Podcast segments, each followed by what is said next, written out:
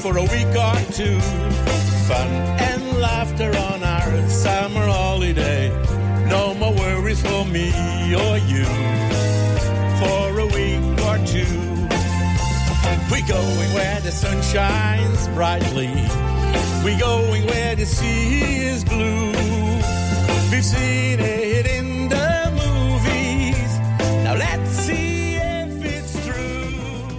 Welkom bij Televisie, de podcast over Nederlandse televisieprogramma's. Mijn naam is Michel Dodeman. Naast mij zit Alex Maasreel. Ja, Alex, we hebben net een heel leuk gesprek gehad met eh, niemand minder dan Peter Pannenkoek. Zeker. Daar kunnen jullie straks naar luisteren. We dachten eerst even, even een introotje. Omdat, eh, waarom eigenlijk? Ja, de mensen komen toch altijd voor ons tweeën. Die interactie. ja. ja, nee, dat zal het zijn. Maar goed, nee, wat het ook was, is dat we dachten we moeten even een blokje luisteraarspost gaan doen. ja. We, ja. hebben, we hebben eigenlijk, dit is gek, we zijn al bijna, Ene laatste aflevering van het seizoen, dus net op tijd. we, we, zijn, we hebben zo, zo vaak eigenlijk berichten die we helemaal niet bespreken. En ik weet echt niet waarom. Nee, ik ook niet. Ja, meer dat we het af en toe zo een beetje zijdelings benoemen. Van, oh ja, dat stuurde die luisteraar. En dan moeten wij dat heel erg gaan googlen. En dan moet ik vervolgens weer eruit knippen van eh, waar we het teruggevonden hebben. Dus we doen nu gewoon even een apart blokje luisteraarspost. Dat lijkt me beter. Eh, Eindelijk structuur in de podcast. Allereerst, Sjoerd Kersten stuurde ons een bericht eh, op Instagram. Hij was iets tegengekomen op de Wikipedia-pagina van het programma Het Glazen Huis. Namelijk, Alex, jouw naam staat erbij. Ja. Hoe kan dat? Ja, nou ja, kijk, ehm, ik had vroeger met een vriend op de middelbare school een soort van, van actie om zeg maar allemaal Wikipedia-pagina's aan te gaan passen van series en onszelf daar dan bij te zetten. Dus eh, bijvoorbeeld bij GTST, Baantje en Kees en Co. Dat je gewoon mijn naam en dan een fictief personage daarbij verzint. Ja. Zeg maar. Dat hebben we toen echt bij een stuk of 20, 30 series gedaan. En bij de meeste werd dat netjes weer heel snel verwijderd. Maar dan blijkt dus, dat wist ik zelf dus ook niet. Maar het is goed dat Sjoerd dat opmerkte. Maar bij de soapserie Het Glazen Huis staat nog steeds dat ik de rol van Sander van de Wegen speel. dus hij vroeg ook, Sjoerd vroeg ook van, maar zijn daar nog beelden van? Ik zou graag willen dat het zo was, maar dit was gewoon een middelbare schoolgrap die zeg maar door niemand ooit is opgemerkt. Was dit ook een beetje de tijd dat je op Twitter bericht stuurde naar Jeroen van Koningsbrugge? Ja, dat zou Over wel kunnen, iedereen is ja. gek op Jack. Ja, ik denk dat dit een beetje, dat is toch de fase waarin je erkenning en aandacht zoekt als kind. Precies. Dus dat was dit ook wel een beetje. Maar ja, even kijken of het er nog steeds op staat. Ja hoor, onderaan staat hij. Ja, hierover gesproken, over iedereen is gek op Jack. Eh, Carlito, het Carlo Robbe op eh, Twitter, die had een format idee. Hij neemt eigenlijk mijn werk uit handen, daar ben ik heel blij mee. Hij zei, iedereen is gek op Jack, maar dan over Jack van Gelder en zijn leven als musicalster. Zou ik een hele sterke sitcom vinden. Dat zou ik heel goed vinden. Ja, Jack, eh, hij is er. De, de twee minuten versie van Summer Holiday. Vanochtend, maandagochtend was hij te gast bij Radio 538. Toch Uit- teleurstellend, want Willem Haak had mij een berichtje op Twitter Ja. gestuurd. Willem Haak, de host van de Low Stadio podcast en ook redacteur bij Southfields, dat eh, producent van Ziggo eh, Sport. Ja. Die had mij een bericht gestuurd van ja, ik heb het nog voorgelegd aan Jack, maar eh 538 kreeg toch de voorkeur. Ja, Wat ik raar om de vind. première bij ons te doen. Hè? Ja, om de première bij ons te doen inderdaad. Maar ja, Frank Daan of Michel Dodeman. Ik bedoel, eh, ja, ik zou het wel weten. Maar ja, kijk, hè, ja, Jack moet kiezen. En het nummer is er. En ehm we gaan er niet te veel meer over zeggen, denk ik. Nee, je moet het vooral luisteren. Ja. Eén keer. Ja. Daarna niet meer. Ja. Jori Duizendstraat stuurde ons ook een bericht op Instagram. Ze zei, afgelopen twee afleveringen van Help Mijn Man is Klussers schijnen bizar geweest te zijn. Vorige week had de vrouw heel hard weg moeten rennen en deze week de man. Ik ben heel benieuwd hoe en of jullie daarnaar gekeken hebben. Nou, ik heb naar de aflevering, aflevering 2 van dit seizoen gekeken. Mhm. En het was inderdaad echt knettergek. Maar wat gebeurde er dan? Ik heb het niet gezien, helaas. Nou ja, het was. ehm, het, het speelde zich af in, in Castricum. En het was een, eh, een vrouw, Brenda, eh, met, met twee jonge kinderen. Volgens mij een kind van vier of vijf en één kind van een paar maanden oud. En haar man, David, die heeft al een paar maanden niks aan het huis gedaan. Laat zijn gezin eigenlijk tussen de openliggende elektra- en bouwmateriaal slapen. Dat is op zich standaard. Mhm. Maar wat was nou het ding? Ehm, hij had overal ook camera's opgehangen. Waar, en op, haar op zijn telefoon kon hij haar in de gaten houden. En op de ochtend dat John langs zou komen, rook hij blijkbaar onraad. Of Ja. hij voelde dat er iets niet in de haak was. Dus heeft hij toen nog extra camera's opgehangen. Jezus. En dus toen John, John kon ook niet via de voordeur binnenkomen met zijn cameraploeg. Hij moest via de achtertuin van de buren. Moesten ze zo heel, heel sneaky langs de heg om binnen te komen. En op bepaalde plekken konden ze ook niet praten. Nou, het was echt. Mijn en de man eh, wilde uiteraard niet meewerken aanvankelijk. Nee. Deed het uiteindelijk toch wel. Holy Maar shit. het was echt... Ja, die, eh, als je die nog terug kan kijken op Videoland kan dat. eh, moet je echt doen. Want eh, het was weer echt een nieuw, nieuw niveau van... Het lijkt wel alsof corona nog wel weer een nieuw niveau van Help Mijn Mans Klusser aanboort. Ja, maar John kon het niet meer managen met een huk of zo hier en daar. Dat mag Nee, dat mag niet. Nee, ja, oh, nee, normaal ja. had hij natuurlijk even Ja, een huk en dan get your shit together. Man. ja, Maar dat was even Jezus. Ehm, Bas op Twitter, het MGBSS, stuurde een suggestie voor een programma om volgend jaar te bespreken, of volgend seizoen te bespreken. Kinderen kopen een huis. Hij zegt, weet je, budget kijken zonder kopen, maar dan met kids en een soort van makelaar, on, eh, makelaar Alex on steroids. Er gebeurt zoveel en het zit best tof in elkaar. Dit is waar volgens mij Emma Curves het Ja, klopt, over ja. had toen de aankondiging kwam. Die, ik heb het nog niet gezien, maar die, die moeten we zeker ook een keer gaan bespreken. Voor seizoen 2 gaat het allemaal op de lijst. Ja, en eh, Bas Mouter die vertelde op Twitter dat hij dankzij de podcast naar Plan C heeft gekeken en ervan heeft genoten. Eigenlijk hebben wij doel- ons doel nu bereikt. Ja, Dit is eigenlijk alles wat we, wat we moesten doen als Ja. podcast, als mensen. vind ik ook. Vind ik ook. Ik heb zelf nog iets meegenomen.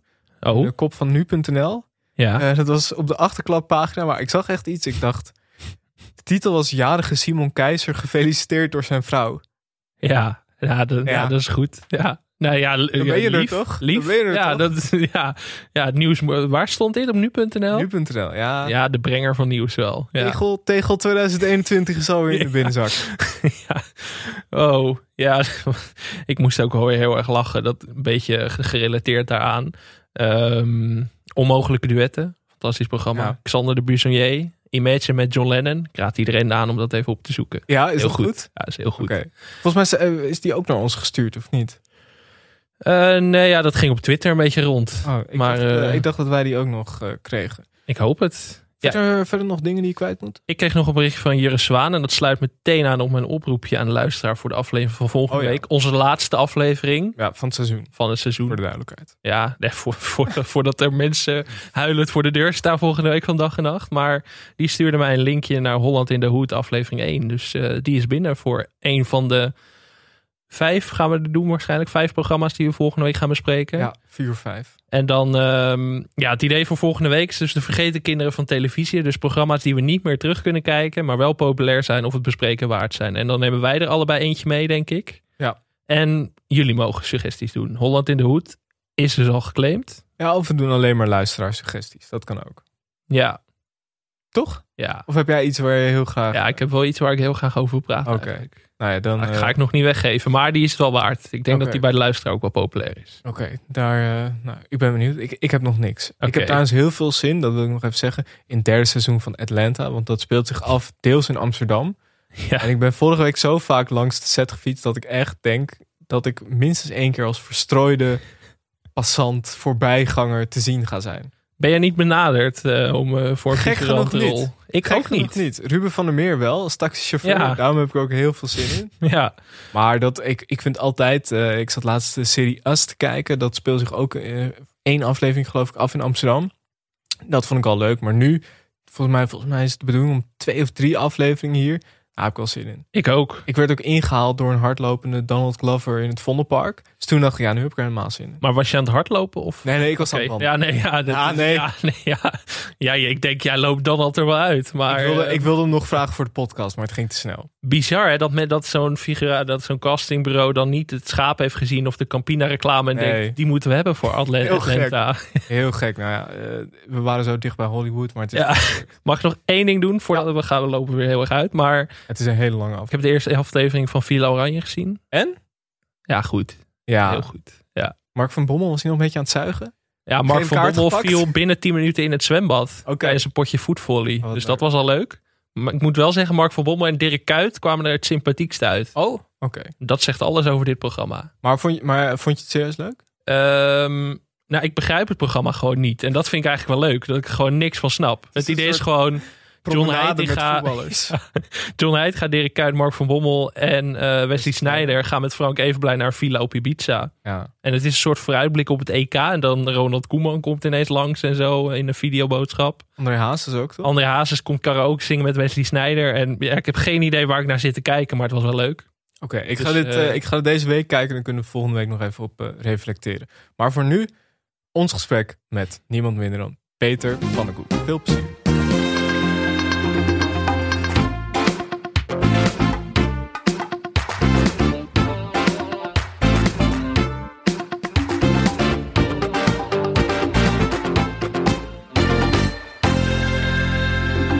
Welkom bij Televisie, de podcast over Nederlandse televisieprogramma's.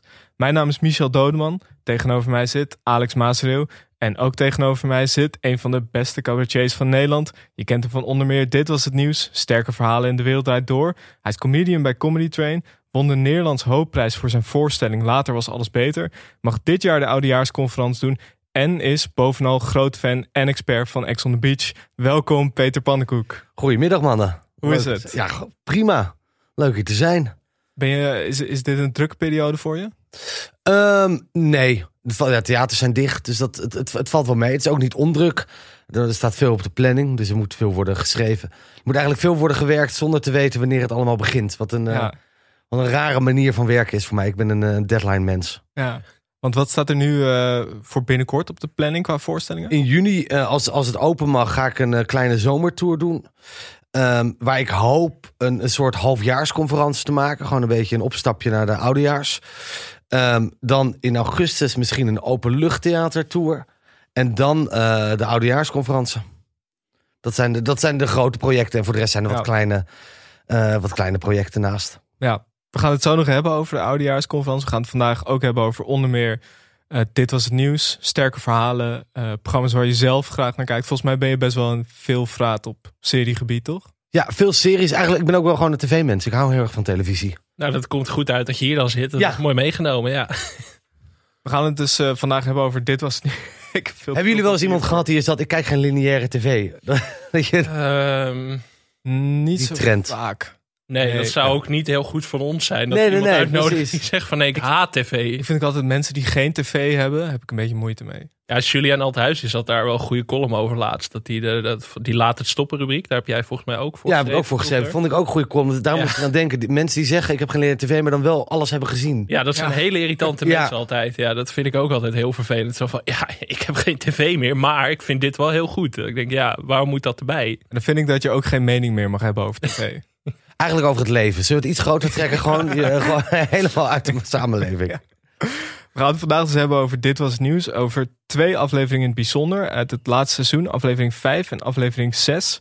Eh, aflevering 5 was de 250ste aflevering. Officieel eigenlijk de 252ste aflevering, maar goed. Met Alex Ploeg en eh Roué Verveer. Aflevering 6 was met Adrian van Dis en eh, Gwen van Poorten. Toen we van tevoren even contact hadden, zei deze twee zijn leuk om te bespreken. Waarom? Nou, van af- afgelopen seizoen ging ik even kijken. Het, het, het- bij mij wordt het één grote blur, al die afleveringen. Dat is echt heel erg. Eh, dus eh, al is het helemaal zo lang geleden. Je zei van wat zou leuk zijn volgens mij om te bespreken. Dus ging ik even kijken, oké, wie waren wanneer de gast? En toen herinner ik me van ja, die afleveringen eh, waren de, de gasten heel leuk. En voor mijn gevoel waren dat hele leuke opnames. Ja, ja. Kijk je het zelf ook nog terug als het op tv is? Ik kijk het terug omdat ik wil zien hoe het geëdit is. Eh, welke, keuzes zijn er gemaakt? Ik kijk wel met heel veel moeite terug. Ik moet er echt. Ik moet. eh, in, in de tijd. Op een gegeven moment. Ik had een, vriend, een vriendin. En ik kon niet samen met haar naar mij kijken. Want dan. dan of, of zij zou worden mishandeld. Of. eh, ik werd gewoon helemaal gek. Dus ik kijk het alleen. En dan ook per kwartier. Want dan moet ik gewoon heel. Hangt van, hangt van hoe groot de irritatie is. Er zijn eigenlijk een paar hele makkelijke regels. Dat hoe leuker de opnames zijn, hoe minder blij ik ben met de edit. Hoe slechter de opnames zijn, hoe blijer ik ben met de edit. Maar Ja. waar zit hem dat in dan? Dat zit in je, ehm, dat is gewoon eigenlijk een soort ja, een bedrog in je hoofd. Ehm, als je in de opnames, kijk, we nemen lang op, we nemen bijna twee uur op. Eh, en dan heb je soms een opname waarbij het blijft lopen. Terwijl het kan maar 42 minuten worden uiteindelijk. Dus dan baal je eigenlijk, dan komt de sfeer, de echt leuke sfeer die daar in de studio is, die verlies je altijd een beetje. Ja. Terwijl bij een matige opname wordt juist, omdat het dan teruggaat naar 42 minuten, wordt er heel veel gered en valt heel erg mee. Dan ga je met een soort halve schaamte naar huis van, ach, wat een drama was dit. En dan denk je, nou, er zit eigenlijk nog best veel te- tempo in, want er, zitten gewoon, ja, er zijn gewoon hele onderwerpen uit Ja, die gewoon niet te liepen. ja. Maar hoe kijk jij dan naar jezelf? Zeg maar, als je dan per kwartier gaat kijken, van, is het echt zo dat je denkt van, wat zegt die man nou als je het naar jezelf kijkt? Of hoe, hoe gaat dat? Kijk echt technisch. Ik, ik, nou, ja, ik, kijk wel, ik kijk wel met. eh, ehm, ehm, lichte irritatie, hoe, wat ik dan beter... Nou, er, er zitten zoveel frustraties eigenlijk in. Ehm ten eerste heb ik de frustratie, daar heb ik de opnames gehad. En dan rijd ik naar huis. En dan, dat geldt trouwens ook voor optredens hoor, in de comedyclub of theater. Dat ik me altijd bij terug... Die opmerking had ik moeten maken. Ja. Daar, bij die improvisatie, had ik... eh, de, de scherpste opmerkingen komen altijd na afloop. Nou, die frustratie heb je. Ik erger me heel erg hoe ik soms kijk. Ik ben soms gewoon heel geconcentreerd, maar ik vind dat dan niet vriendelijk overkomen. Eh, dus, dus die frus- de, soms heb ik me in, tijdens de opnames in mijn hoofd heel erg lopen frustreren dat iets niet liep. Terwijl dat valt dan mee, maar dan ben ik eigenlijk ook weer boos dat ik me tijdens de opnames heb lopen frustreren. en nu klinkt het alsof ik het één grote hel vind, maar ik ben wel gewoon heel erg van perfectionisme. En eh, dus, dus da- dat vind ik er heftig aan. En ik vind het nooit eh, leuk om mezelf te zien. En eigenlijk kijk ik ook vaak met heel veel bewondering naar Jan Jaap. Hoe goed hij dan toch weer dingen doet, dat zie ik dan weer op beeld. En ik denk, godverdomme, wat een lul is het toch, wat goed. Ehm, dus dat, dat is wat er eigenlijk gebeurt. Ja, maar die opnames, ik ben, ik ben zelf twee keer volgens mij bij een opname geweest. Nog in de tijd van eh Raoul en Thomas. Mhm. Maar het zijn eigenlijk hele, bijna een ander programma als je de hele opname Ja. ziet. Dan is het bijna een soort, een soort hele grappige talkshow. Maar het gaat eigenlijk best rustig. En er zit een soort van... Sommige momenten zijn wat, eh, wat meer echt comedy. Maar soms is het ook wat meer interview. Ja. Maar hoe, hoe- ja, hoe verhoudt zich dat? Ik denk dat, omdat ik heb die opnames ook meegemaakt, omdat ik toen redactie was, of daarvoor nog schrijver. Ehm, ehm, ik denk dat be- tegenwoordig de opnames ten opzichte van Raoul en Thomas, met mij en Jaap, ligt het tempo wat hoger. Ook tijdens de opnames. Het betekent niet dat dit een, een dis is naar Raoul en Thomas, want ik denk dat Raoul veel mooier soms de diepte in kon. Ehm, en, ehm, dus het, maar het is inderdaad wat je zegt, het is heel goed gezegd. Het is eigenlijk een heel ander programma als je daarbij. Wat het grootste probleem is, we hebben vaak eh, running gags door de, door de uitzending heen. Iemand zegt wat en dan komen we dan eh, nog acht keer op terug met een soort callback. Maar die zijn vaak onmogelijk voor de edit. Zeker omdat je, we hebben vaak vier van die lijntjes. Ja. En Koos Sterpstra en Erik van Sauers, dat zijn de, de, de, de eindredacteuren die dat eigenlijk allemaal editen. Die gaan dan de hele nacht door. Die moeten daar zeker drie van laten sneuvelen. Eh, maar die zitten dan overal. Dat is heel. Soms lukt het ze ook niet. Soms zit er een opmerking in. Ik weet niet meer. Dit seizoen was er ook een opmerking. Die sloeg nergens op in de uitzending. Ja. Maar eh, iets over Hitler ook. Opeens zei ik Hitler. En dat was echt zo. Waarom zegt hij Hitler? Terwijl dat was een lijntje. Maar dat, dan, heb ik, dan bel ik ook boos op. Ja, wat de fuck. Het lijkt nu gewoon alsof het niets over Hitler begint. Ehm, ik bel ook altijd na nog met Erik en Koos. Wat heel goed. Dat hou ik wel van. We zijn altijd. Het is ook nooit af, dit programma. Terwijl het, het bestaat al zo tering lang. En elke keer zijn we aan het tweaken. Eh, zijn de, de, nou, nu is er geen publiek. Maar zijn de microfoons bij het publiek goed? Eh, moeten we dit niet veranderen? Ehm, dus ja, dat, dat is, het, het is leuk voor mij om een keer bij de opname te zijn. Ja, ja. Heb je ook nog dingen meegenomen van Raoul en Thomas onbewust? Heel erg. Raoul, ik denk dat omdat Raoul is voor mij, meneer, dit was het nieuws. Raoul zit eigenlijk altijd in mijn hoofd. Tot, tot frustrerend. eh, ah, ah, ik, ik, ik kijk ook wel eens vaak als ik weer aan een nieuwsseizoen begin, ga ik weer eh, oude afleveringen op YouTube terugkijken. En dan kijk ik met zoveel wat ik, wat ik het meest briljante vind naar Raoul. En ik ben ook achtergekomen, ik heb dit volgens mij gewoon niet in me. Dus ik kan dit wel ambiëren, maar dit is gewoon hoe je bent als mens. Raoul heeft de gave om naar ehm, de grote dingen in het leven als een kind te kijken. Maar echt als een achtjarig kind. Mhm. Eh, en dat bedoel ik niet qua, qua denkniveau, maar het helemaal opnieuw te bekijken. Voor mij het grote probleem is zeker, eh, ook, ook voor, voor mij, die, ik volg veel nieuws. Eh, je, eigenlijk soms ga je het erin met te veel kennis. Ja, Terwijl Raoul kon heel goed. Jongens, waar hebben we het nou over? Ja. Het is dit, dit. Ik weet zeker dat hij nu het, het, het conflict tussen Palestina en Israël. Dat zou hij heel erg sec weer opnieuw kunnen bekijken. Mhm. En dat, dat is zo knap en goed. En daardoor wordt vaak totaal. eh, dan kan hij het ook totaal vreemd omschrijven. Ik denk, inderdaad, waar, waar hebben we het eigenlijk over? ja. En dat, dat, dat- in het begin, toen ik begon aan dit als nieuws zelf, als, als teamcaptain, had ik me heel erg voorgenomen. Dat wil ik ook doen. Alleen ik kom ook achter dat, ja, dat, dat is gewoon een stijl van comedy. Mhm. Dat moet je hebben, dat zit in je. ja. Eh, dus dus dat, ik, ik denk wel vaak aan hem. Ja, ja. Wanneer, wanneer is een aflevering voor jou persoonlijk eigenlijk echt geslaagd? Ik ben er wel achter gekomen. ehm, het, het gaat denk ik in levels, in degradaties. Eigenlijk, de gasten zijn essentieel. Als de gasten leuk zijn, heb je een leuke uitzending. Zijn de gasten niet zo leuk, dan moet het van mij en Jan Jaap komen. Zijn de gasten niet zo leuk en zijn Jaap en ik niet in vorm... dan moet Harm het redden met de one-liners. Maar dat Ja. is echt de, de noodstop Ja. als het daarvan moet komen. Ehm, dus voor mij, dus daarom vond ik bijvoorbeeld Adriaan van Dis... Ja. eh, en, en Gwen trouwens ook, want dat zie je ook vaak... dat als er één leuke gast is, Ja. die andere gast een beetje in problemen komt. Ja. Want Jan Jaap en ik zijn natuurlijk ervaren en snel.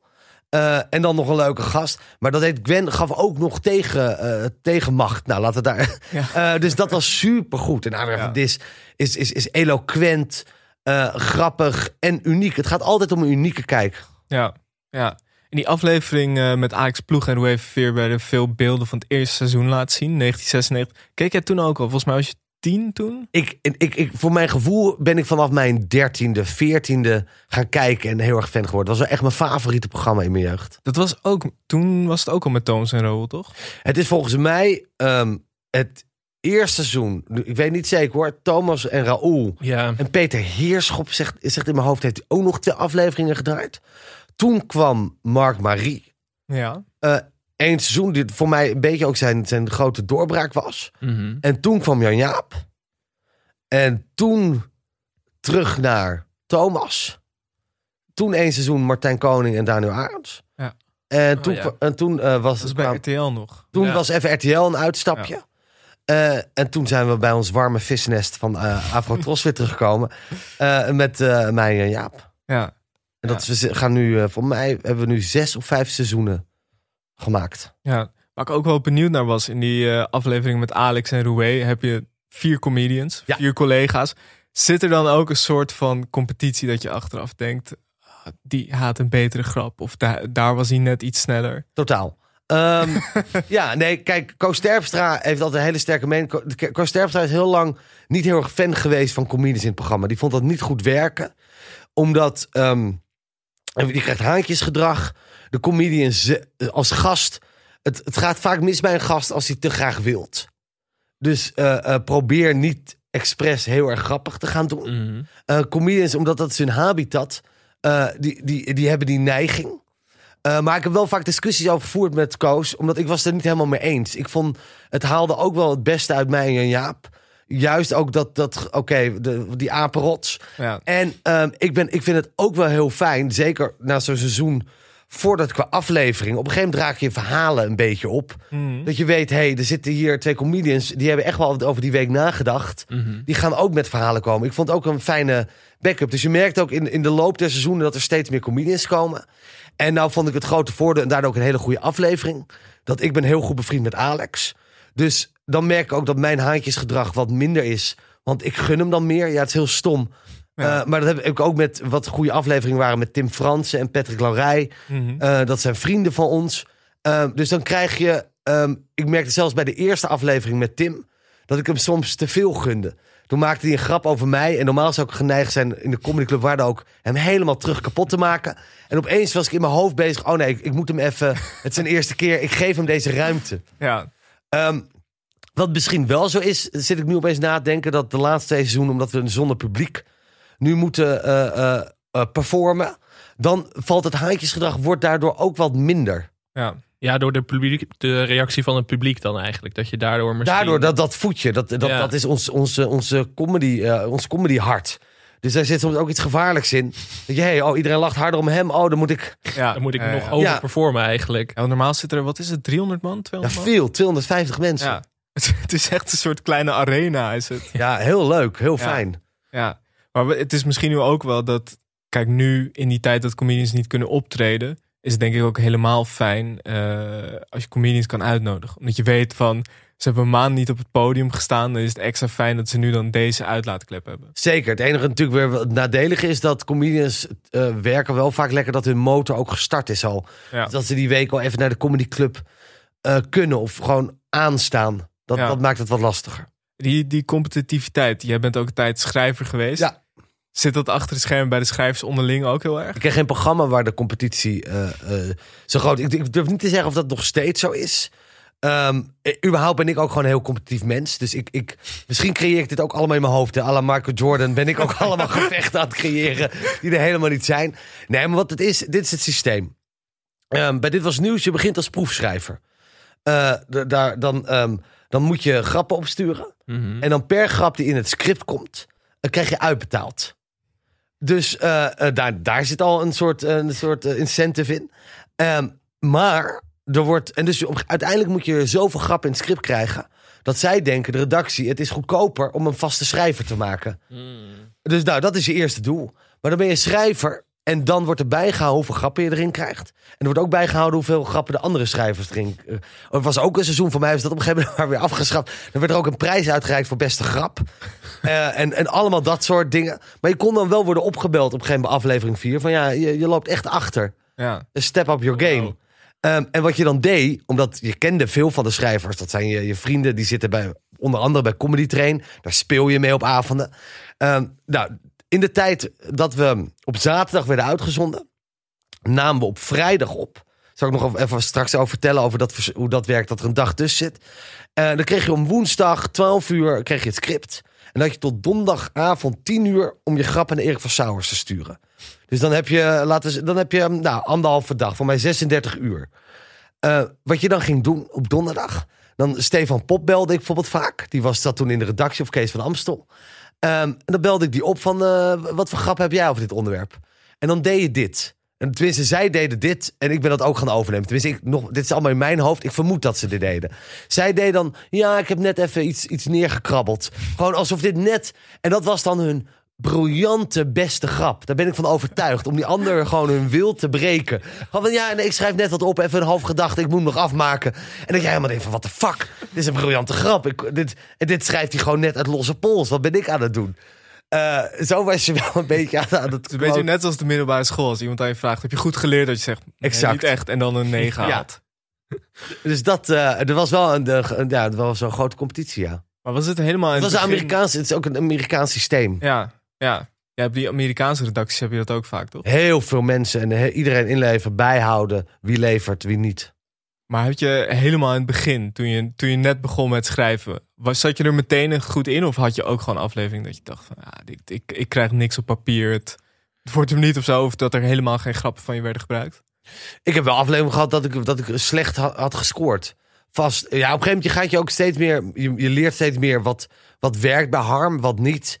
Ehm, je leert de mechanismes. Ehm, het idee is, je krijgt die onderwerpen opgestuurd. En dan, ehm, je mag maximaal per onderwerp volgens mij acht grappen inleveren. Ik deed ook altijd, ik had er echt, ik schreef belachelijk veel. Dus ik moest altijd de laatste uren eh, terug naar acht gaan. Dat was een hel. Omdat je op nou, 36 uur met weinig slaap, je ziet door de bomen het bos niet meer. Je hebt geen idee meer, is dit nou een goede gedachte of is dit makkelijk? Ehm, er waren ook allemaal mythes in omloop. Paul Groot van eh Koefnoen, waar ik trouwens ook nog heb geschreven. Maar die, er was zo'n mythe dat hij leverde maar één grap per aflevering in. En, maar dat was altijd de beste grap. Heb ik later Paul Groot eens over gesproken. Is helemaal niet waar. Maar dat was een soort mythe die heerste. Dat hij gewoon één aflevering. Terwijl, nou, laat zeggen, er zitten acht onderwerpen in. Nou, dan leverde ik 80 eh, of eh, 64 eh, grappen in. Ja. Ehm, dus ik, wat was je vraag eigenlijk? Ik weet niet meer. Of het in het begin, of je dat meteen, soort van meteen erin zat. Nou, nee, ik werd er wel steeds beter in. Bijvoorbeeld, maar je komt er toen uiteindelijk, als je in de redactie zit, dus je begint proefschrijven, nou weer vastschrijver, dan kan je in de redactie komen. Dan, weet je, dan merk je pas wat er gebeurt op vrijdag, hoe die grap wordt geselecteerd. Dus daar leer je eigenlijk het meest van. Wat er namelijk gebeurt, is dan om 11 uur 's ochtends ontmoet de redactie samen met Koos Terpstra, Harm eh, en Erik van Sauers. Dan heeft Erik van Sauers een voorselectie gemaakt. Jullie moeten trouwens zeggen als dit super saai is, hè? Want Nee, dit is zeker. wel heel erg meta. Nee. Oké, ehm, die heeft dan een voorselectie gemaakt. Die gaat Harm dan alvast voorlezen. En dan gaat Koos Terpstra in een, in een, als een mitrieur, totaal deadpan, alle grappen nog eens doorlezen van alle scripts. En dan moet je heel snel je hand opsteken als je denkt, hé, hey, maar deze heeft wat. Ja. En dat was echt voor mij een eye-opener. Dat ik dacht, het eerste was het gewoon heel pijnlijk. Dat ik dacht, ik heb hier 36 uur aan gezwoegd. En dit wordt zo emotieloos. Bam, bam, bam, bam, bam, Zo eruit ge- ge- ge- ge- gegooid. Eh, wat ik erachter kwam, wat heel slim is... dat je dus tussen je grap een hele rare grap doet. Ja. Een hele lange monoloog. Want dan, Want je moet je voorstellen, je krijgt dan over één onderwerp van al die schrijvers. Dus ik schrijf tien grappen per onderwerp. Heel veel anderen ook. Dus dan krijg je gewoon honderd grappen over, in, in, in 20 minuten Ja. achter elkaar. Dus dan wat je soms doet, is een grap die er nooit in gaat komen. Een hele lange monoloog over de redactie zelf. Oh, hoor Koos Terpstra weer eens monotoon lullen. Gewoon zoiets dat iedereen er weer even bij is. Ja. Want wat ook belangrijk is, waar jouw script ligt op de stapel.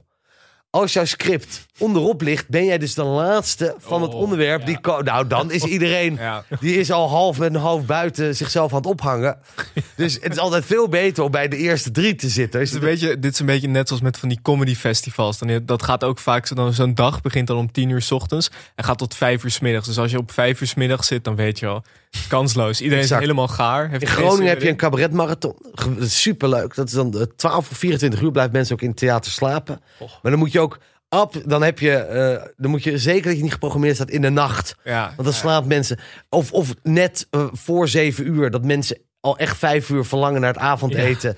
Dat is ook allemaal van die codes. Dat heb je ook bij het, eh, ken je het Griffioen Zuidplein Cabaret Festival? Dat is ook in Van naam. Echt in zo'n achteraf zaaltje. En dan zitten er gewoon tien mensen. Dat zijn altijd andere comedians. En daar moet je dan, daar moet je dan optreden. En dat gaat ook de Wow. hele dag zo door. Dus als je aan het einde van de middag bent, dan weet je... Dit moet, dit moet, je moet gewoon eigenlijk iets geks doen om op te vallen. Ja. En er zijn ook Koos heeft allemaal. En Koos Terpstra, luister, die zit al zo lang en heeft alle wijsheid in pacht. Dus het zou ook allemaal kloppen. Maar soms voer ik, heb ik in vele discussies mee gevoerd. Je hebt ook zo'n regel: als een grap twee keer voorkomt, is het blijkbaar geen goede originele grap. Maar ik dat waanzin vond. Want soms is gewoon een goede gedachte. Omdat Ja. het zo'n strak klein kader is, kunnen ook twee goede comedians een hele goede grap maken die hetzelfde is. Ja. En dan kies er maar één van de twee. Maar nee, dat kon niet. Want dat was blijkbaar niet origineel. En er kwam er een of andere klote woordgrap in. Die gewoon te debiel was. Maar ja, die had niemand gemaakt. Omdat het gewoon een hele slechte woordgrap was.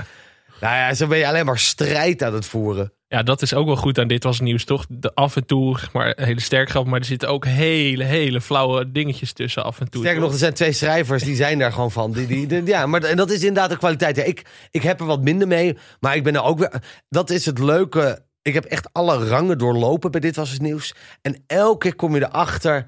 Oh ja, het klopt en dit is wel nodig. Je, je, als schrijver, dan ook als je dan naar opname liep me soms te ergeren aan eh, Raoul en Jaap of Raoul en Thomas. Van jongens, eh, eh, eh, schiet nou eens op of doe dit en dat. Nu ben ik zelf teamcaptain, nu kom ik erachter. Nee, maar dit was heel, dat is heel belangrijk om juist te doen als teamcaptain. En zo kom je er per keer achter het belang. Is er, is er een soort ultieme dit was het nieuwsgrap? Waarvan je weet van als je, als je hem zo goed maakt en als, je, het- als dit en dit erin zit. Of een soort grap die alleen, die alleen bij dit was nieuws hoort. Nou, het is wel, de- dat is ook de grote kracht van Harm. Harm is een soort wit doek geworden. Die kan, ik, ik ben echt verbaasd, die kan echt elke grap maken. Die kan een profeet Mohammed grap maken en ermee wegkomen. Harm heeft namelijk geen mening eigenlijk. Vat je, het is, het, dat is zo lekker. Het kan, je hoeft nooit te denken uit politieke voorkeur. Ik bedoel, iedereen weet na al die jaren wel dat Harm heel erg begaan is met het milieu. Maar je kan hem een hele rechtse grap laten maken. Een hele linkse grap. Ehm, ik weet niet, kijk, de, de grappen die mij bijblijven vooral. Want dit was nieuws, maar het heeft dat is ook omdat het zo anders zijn. Dat zijn de rare uitstapjes. Nou ja, één grap, dit, maar dat, eigenlijk is dat zo slecht als ik dat... Het is, eh, eh, man geeft vrouw een trap. En dat is dan een foto van een man die een vrouw echt een trap geeft. Ik weet er eentje die ik heel goed vond. Feyenoord, bestu- Fe- fans, Feyenoord fans ontevreden met nieuw bestuur. En dan zag je vier hele Joodse mensen met, met pijpenkrullen en hoeden. En als we helemaal de studio uitgaan. Ze hebben ooit... ehm, Stefan Pop was daar heel goed in. Voor mij een grap dat de puntentelling werd uitgelegd. En dan zag je een aap achter een computer eh, zitten. Gewoon op toetsen rammen. Eigenlijk, ik vind dat de leukste dingen. Als we gewoon heel weird... Ja. Ja. Zijn, er, zijn er nog andere grappen waarvan je je gewoon jaren na dato... die je nog steeds kan herinneren? Ehm, nou, het zijn stukjes. Ik vind Jan Jaap stukje, je doet niet meer mee. Ja, Eh, die, die, die is me altijd heel erg bijgebleven. Ehm, nee, het zijn vooral afleveringen, gestoorde afleveringen waar Willem Oldmans die niet te doen was. Ik herinner me de aflevering van een lege stoel, omdat Geert Wilders op het laatste moment Oh ja. ja. eh, niet kwam. daar ben ik bij geweest bij die opname. Oh wauw, ja, Ja, omdat ja. hij niet kwam opdagen. Ehm het zijn vooral, maar dat is ook weer hetzelfde als mijn eigen inbreng één grote blur is geworden. Is voor mij dit was het nieuws ook één grote blur geworden eh, van ja van, van akkefietjes en dingetjes. Ja. Ik heb één grap, die kan ik me nog steeds herinneren. Dat was volgens mij van Raoul. Is echt jaren geleden. Het was toen André Hazes junior 18 was. Ja, Hij zei dat hij met 50 vrouwen naar bed was geweest. En toen zei Raoul, ja, dat is helemaal niks. Dat zijn er drie per jaar. dat vond ik zo'n goede grap. Hele goede grap. Ja, Heb jij van tevoren al, als je dan met de gasten zit of zo, van dit gaat hem worden of dit gaat hem niet worden? Eh, ik zit vaak mis. Nou, dat, nou, soms. Nee, dat is niet waar. De, de helft van de tijd kan je voelen wanneer iemand. Wat er soms gebeurt bij een gast. Die begint, heel, die komt binnen heel joviaal. En naarmate eh, de opnames dichterbij komen, voel je dat die gespannen wordt en meer begint dicht te klappen. Eh, dan overleggen we vaak nog even snel. Oké, let even op. We moeten even. die moet je in de uitzending even aandacht geven. Even tijd geven om een beetje los te komen. Ehm, maar soms zit je ook mis hoor. Dat je denkt vooraf, oeh, dit wordt helemaal niks. Eh, en dat blijkt hartstikke leuk te gaan. En wat ook heel vaak gebeurt is... Dat, ja, ik vind dus... Ik, daar ben ik na al die per seizoen eh, leer ik nog steeds. Dat vind ik het programma ook zo leuk maken. Dat, eh, dat is eigenlijk een van de, de, de, de, facetten waar ik het minst van weet. En misschien ook nog steeds het moeilijkst vind. Is dat... eh, ik ben natuurlijk ook zo comedian van mezelf. Dat, oh ja, opeens heb je een gast. En dan moet je... Die moet je ook helpen en rekening mee houden. Ehm, ik ben nog niet helemaal achter wat nou het perfecte recept is vooraf. Dat ik merk eigenlijk wat ik heel ingewikkeld vind. Is eh, ehm, dan we eten vooraf wat. En als die gast erbij zit, dan heb ik al hele leuke gesprekken. Maar dan vertellen ze vaak superleuke dingen. ehm, waarvan ik alleen maar denk: shit, dit had in de uitzending. En ik, dat, bijvoorbeeld afgelopen seizoen heb ik dat gewoon gezegd. Hé, hey, je vertelde vooraf, dat was met Alberto Stegeman. Oh, ja. Die vertelde dat hij altijd moest kakken vlak voor een confrontatie. dus dat heb ik maar gewoon weer aangehaald in de uitzending. Maar dat werkt niet altijd. Omdat. En het stom is, dan wordt het toch minder. Die eerste reactie Ja, die je had. Ja. Dus toen heb ik een tijdje besloten, ik wil de gasten helemaal niet zien. Eh, gewoon even een hand geven en, eh, eh, of een box zoals het nu gaat. En dan gewoon daar begin. Maar dan merk je dat die gast, die is dan weer te weinig op zijn gemak. Die schrikt eigenlijk een beetje van opeens ben ik er. Ja. Eh, en die moet dan even aan mij wennen. Dus ik ben daar eigenlijk nog steeds mee bezig. Hoe kan ik met ze gewoon leuk hebben?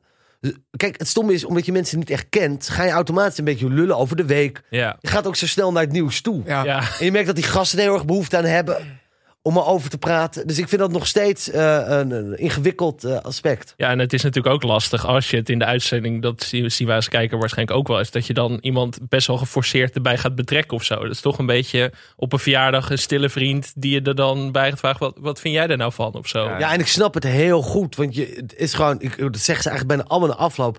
Ze komen altijd een beetje zo. eh, ze vinden het heel leuk, maar wel half verwild naar buiten van. Holy fuck, wat ging dit snel? Of wat gaan jullie eh, eh, snel? Terwijl, ja, ik en mijn Harm hebben dat echt niet zo eh, door. Maar Ja. je- ja, je ziet ze wel soms heel veel zo van. gaat hard. Ja, het kan heel intimiderend zijn natuurlijk ook om zeker tussen jullie dan te zitten. Voor jullie is het natuurlijk. Ja, en ik probeer ze altijd duidelijk te maken. De edit gaat je helpen en redden.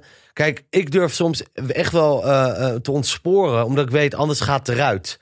Ja. En bij een gast, eh dat had ik zelf nog in het begin, moest ik ook denken, fuck, wat heb ik net gezegd? Ja. Is het niet gênant? Is het niet te, te, te openhartig? Terwijl dat moet je een beetje loslaten. Hmm. Maar tegelijkertijd, elke avond als ik thuis kom van de opnames, heb ik ook altijd nog een uurtje. Ten eerste heb, heb ik eerst een uur dat ik baal van een paar grappen die ik niet heb gemaakt. Daarna heb ik een uur, oeh, gaat dit een rel worden wat ik heb gezegd? Dus Voor mij, omdat ik ben altijd wat harder met humor eh, nog dan Jan Jaap. Eh, eh, dus ik heb altijd ook nog een uurtje. En ik ben al paranoia. Dan heb ik echt een heel uur dat ik ze helemaal al de woedende meuten met, met, met fakkels voor de deur zie staan. Krijg je dat vaak eigenlijk? Echt hele negatieve eh, haatberichten of zo na een uitzending? Het, valt eigenlijk, het, is, het is minder geworden. Het voor mij, ik weet niet waarom, per langer dat ik op tv ben, mensen meer aan me gewend. Mhm. Dus ik denk, of me- alle mensen die me haten hebben al een keer wat gestuurd. Dus ik denk, eh, hij weet het nu wel. ik denk dat, en het is gewoon, en ik ben ook, ik heb een eh, dikkere huid gekregen. Ehm, dus bij, bij de, de, de Wereld Draait Door was dat meer. En dat- ja, op een gegeven moment, dat, dat wordt, en kijk, dit was het nieuws. Dat is al zo lang op tv. Mensen, als, je, als het niet jouw programma is, wat helemaal mag, dan ga je ook niet kijken. Nee. Dat is voor mij, als je nieuw bent, gaan mensen even, wat de fuck is dit? En eh, je moet weten dat je een lul vindt, et cetera. Maar ik heb wel, zeker met mijn humor en de onderwerpen die ik graag kies, eh, de, wat, de wat naardere onderwerpen, wat harde onderwerpen, ik, ik, krijg, ik krijg wel zo nu en dan mails hoor. Ja, bijvoorbeeld over complotgekkies of over het coronalied. eh. Ja, ja, ik had, ik, ik, ik had dit seizoen eh, wel veel, ja, ja, hoe noem je ze? Gewoon, ja, virus, waarheid, mensen, daar kreeg ik veel mails van. Nou ja, als je iets over de islam of, of ISIS zegt, krijg je hartstikke gezellige berichten. Dat zijn wel de onderwerpen waar mensen moeite mee hebben, ja. Maar dat went dan of zo. Hoe...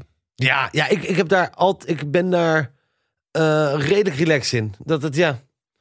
En het grappige is, ik, soms stuur ik ook nog wat terug. En soms krijg ik dan onmiddellijk een mail dat alles goed is. Ja. Vind ik ook fascinerend. of, of juist totaal niet. Dus het, het, ja, wat, wat, het is ook voor hun een uitlaatklep. Ja. Hoe, hoe bereid je eigenlijk voor op zo'n eh, aflevering? Hm. Wat ik doe is, ehm, laten we even in niet-coronatijd. eh vind ik het, kijk, wij, wij komen pas in de uitzending erachter wat, wat de onderwerpen worden. Hm. Maar ehm, je kan echt wel voorspellen, zeker omdat ik het programma natuurlijk goed ken. Ik, ik, een paar onderwerpen, zeker de filmronde, de eerste ronde onderwerpen, eh, dat is het grote nieuws. Dus dan weet je, deze week is dat de Israël eh, en Palestina. Eh, dus dan ga, ik, dan ga ik dan wel over nadenken. Het, het, het, het, wat ik hoop te doen, wat Roen wat zo goed deed, is de derde gedachte. De diepere gedachte die je erover kan hebben. Een originele mening, een originele insteek. Dus daar ben ik dan mee bezig. Gewoon een beetje laten bezinken. Vind ik het lekker om in de, eh, in dagen daarvoor in de comedyclub te spelen. Geen hele affe stukken te maken. Dat werkt niet voor Dit Was Het Nieuws. Maar wel eens gewoon, werkt die gedachte? Is er wat? Eh, dus dat eh, ben ik dan wel heel erg aan het doen. Ehm, en eigenlijk, ja, ik- daar ben ik ook achter gekomen. Ik, ik moet gewoon goed slapen, even hebben gesport.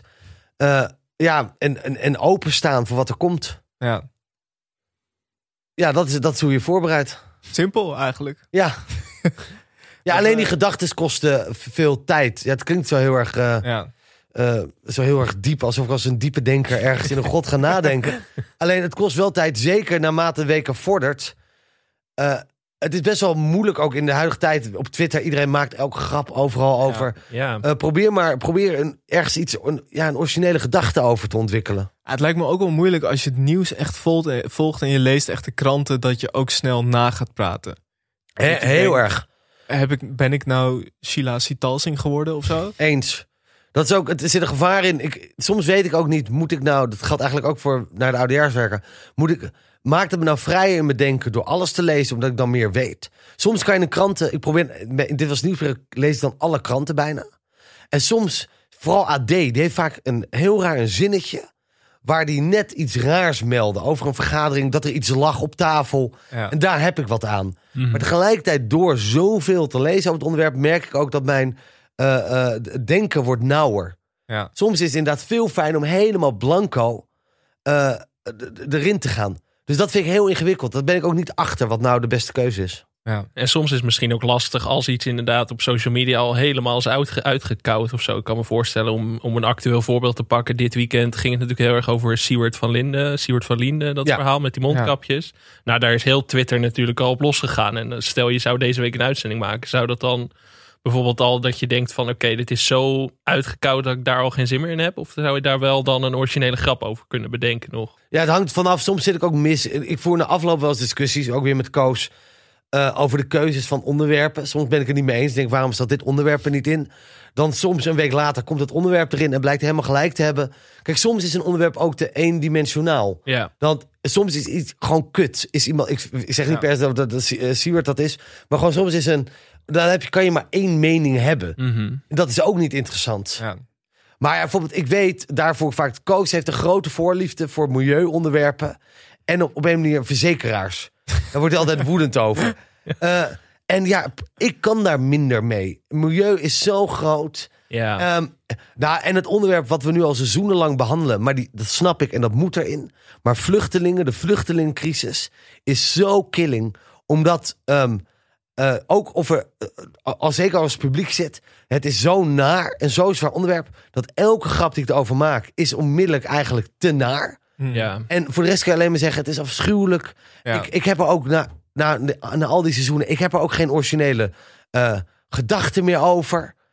Ehm, dus ja, dat is wel, eh, dat, dat, dat, dat, dat, dat hoort, ja, dat is het probleem soms. Ja, dat, maar het hoort er ook bij. Ja.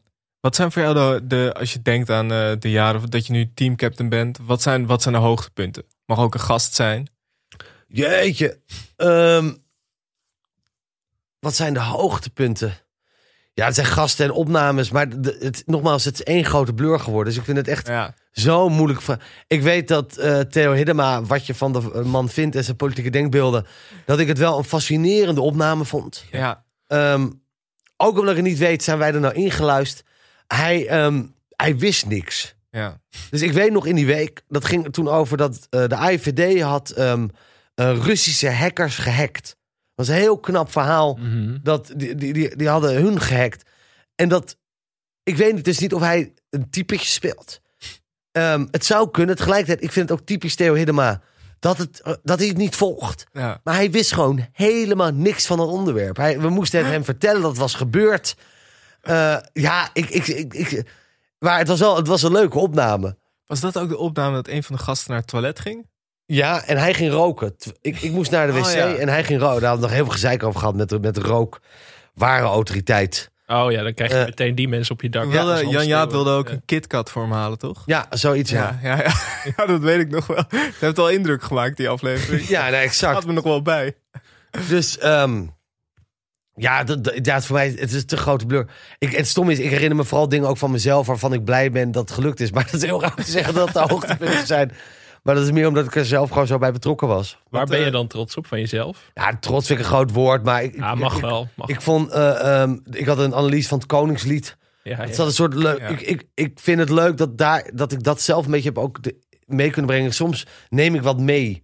Dus een, ik heb ook dat eh, waar ik heel blij mee was, maar dat was meer de dat ik heel erg bang was dat iemand anders mij voor zou zijn. Dat heb je ook een soort wedloop. Met zondag met Lubach en even tot hier. ja. Ehm ehm, Thierry Baudet had een, een promotiefilmpje gemaakt van hoe Nederland in 2040 eruit ziet. Ja. ja, met die bossen en zo. En ja, met hoe- wat was het ook weer? Natuurbossen geplant. En de wandelaar ja. komt terug en Ja. weet ik veel wat. Ja.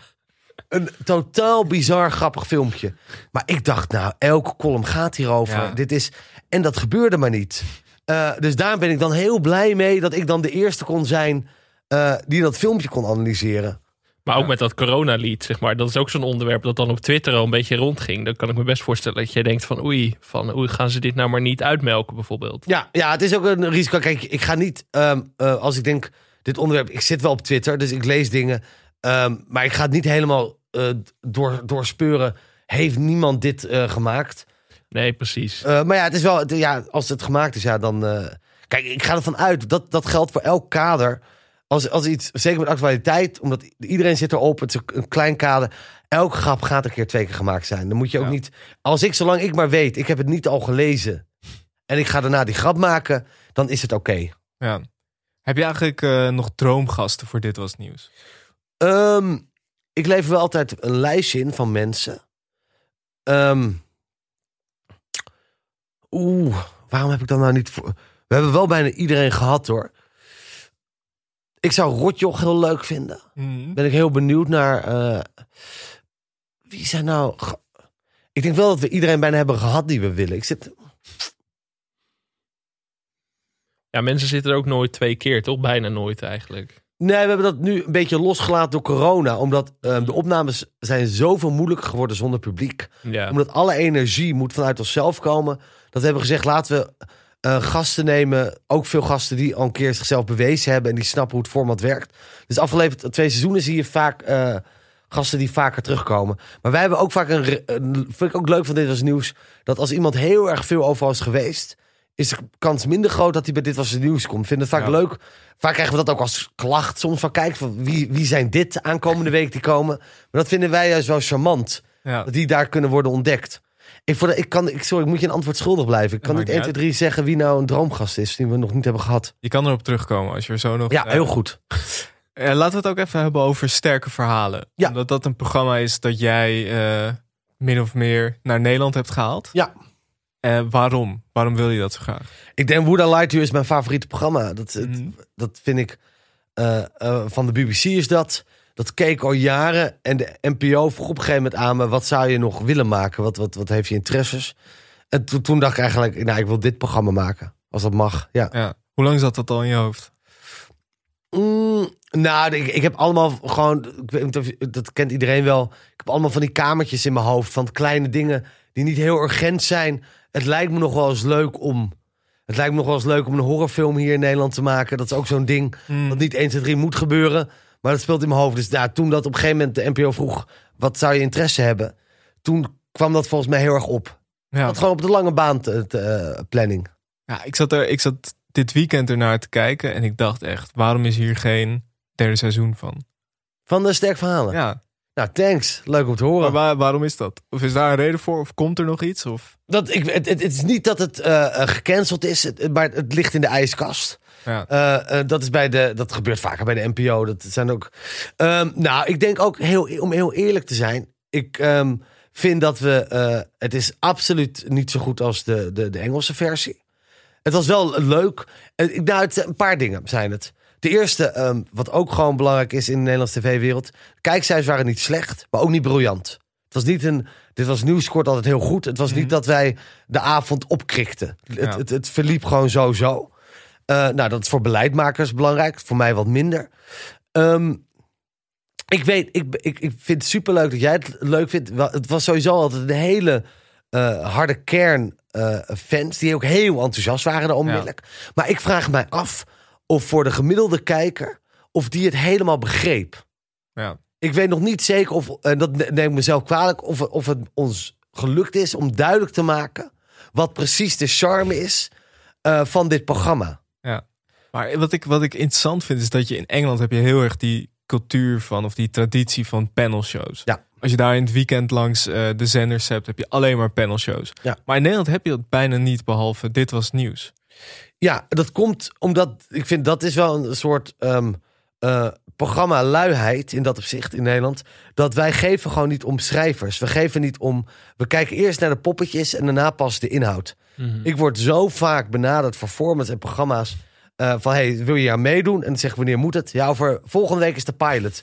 En dan zijn ze pas nog bij, de, eh, bij het gezicht. Ja. Laat staan nog wat, wat aan de achterkant. Terwijl het moet juist beginnen. Kijk, zondag met Lubach heeft gewerkt, ben ik van overtuigd. Omdat ze zijn begonnen bij eh Arjen. Van oké, ik wil dit maken. Wie wil ik me omringen? Hoe gaan we dit doen? En daarna is het programma eruit gekomen. In plaats van gewoon, we hebben dit. Nu gaan we kijken wie we erbij betrekken. Ja. En dan boeit de achterkant.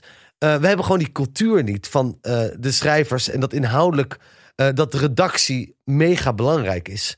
Dus daardoor sneu... Het wordt vaak wel geprobeerd. Maar dan krijgt het één pilot, drie afleveringen. Wordt het Ja. weer van de buis gehaald. Ja. Omdat het gewoon niet goed is. Omdat het gewoon is gedacht, ja, we, we, we, we maken dit. En dan zien we wel bij de opnames hoe het werkt.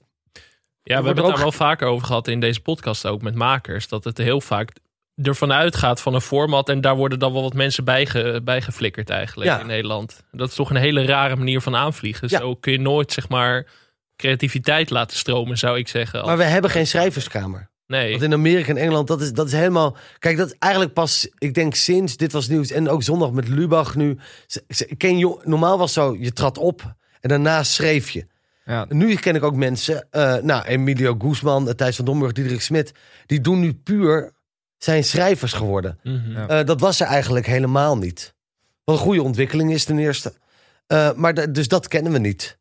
Maar ik vind het, het, het is toch gek omdat dit was het nieuws laat zien dat het wel kan. Zo'n panelshow en zeg maar op Ja, maar manier. luister, elk, elk jaar, televisiejaar, zie ik een, een, een wannabe. Dit was het nieuws. Dat Ja. ben ik helemaal niet lullig. Want ik snap ook in een soort vorm.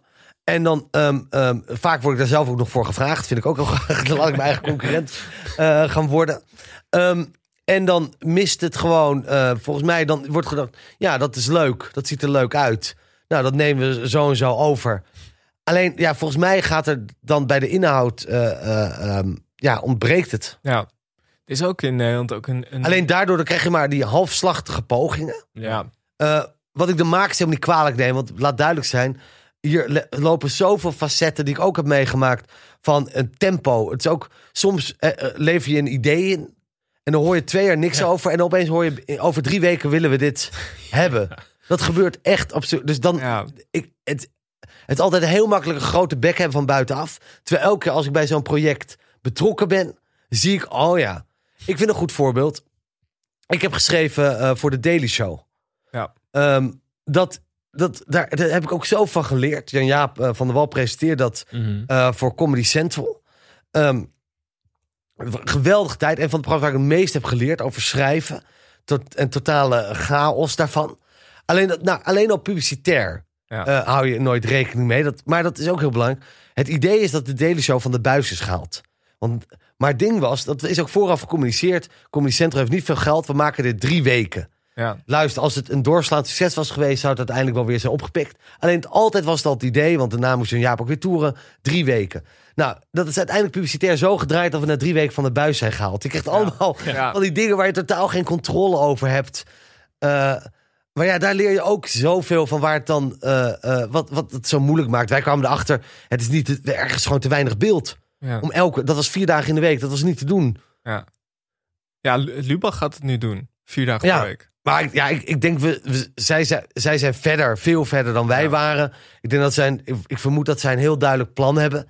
Maar ik ben heel benieuwd. Ja. ja, er zijn best wel veel in Nederland. Je had ook Panache van eh, Jan-Jaap van der Wal. Ja, Wat eigenlijk ook een beetje, volgens mij was dat ook op Comedy Central of zo. Dat werd ook een beetje weggestopt. Je hebt ook in Nederland QI gehad. Wat ik zelf heel leuk vond, de Nederlandse versie. Maar wat ook nooit helemaal. Het is toch nooit. Eigenlijk is dit wat. Dit was nieuws het enige blijvertje.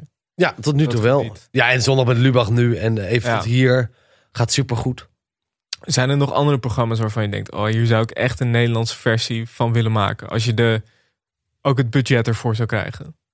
Eh, ja, ik, eh, ik kan ook zeggen, kan ik dat, ik zit nadenken of ik dat kan vertellen. Waarom ook n- niet Taskmaster? Ja, Ben ik heel erg fan van. Ik heb daar een pilot, twee pilots voor gemaakt voor de NPO. Die waren ook enthousiast. Ehm, ik zei, nee, waarom zou dit, dit is toch helemaal geen schande om te vertellen? Ehm, die waren ook enthousiast. Eh, die wilden het gaan eh, maken. Alleen, ik kon niet... eh, nou, ik, ik, had, ik had twee dingetjes.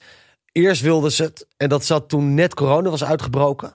En toen, toen echt we net met corona, de, de lockdown in de wereld vergaat vibe in, in het Mm. land was. En toen dacht ik, ik vind het geen slim programma om nu te maken. Deze lolligheid. eh, eh, ehm, daarna kwa- kwam er heel snel weer na een paar maanden behoefte aan gewoon lolligheid. Maar toen was Ja. ik bang, dit gaat de plank misslaan. Toen was elke dag frontlinie, Ja. eh, eh, eh, mensen in de zorg. Het is een oorlog. Dus ik dacht, dit, dit, gaat, dit gaat gewoon niet slim zijn. nee. En ehm, Publicitair ook lastig. ja, nou ja, maar dan moet je rekening ja, Ja. publicitair van wat, hoe verkoop je dit? En, ehm, dus, en daarna had ik, had ik gewoon een, een, een tijdprobleem. Ik, ik kwam ergens tijd tekort. Ja, Ehm, maar dat is, dat is een programma waar, waar ik heel erg fan van ben, in ieder geval. Waar ik ook gevaren bij zie, hoor. Hoe je dat moet vertalen naar Nederlands tv. Dat, dat, dat is niet makkelijk. Om duidelijk te maken wat de charme is weer. ja. Maar dat is wel een programma waar ik heel erg fan van ben. En gewoon heel fout.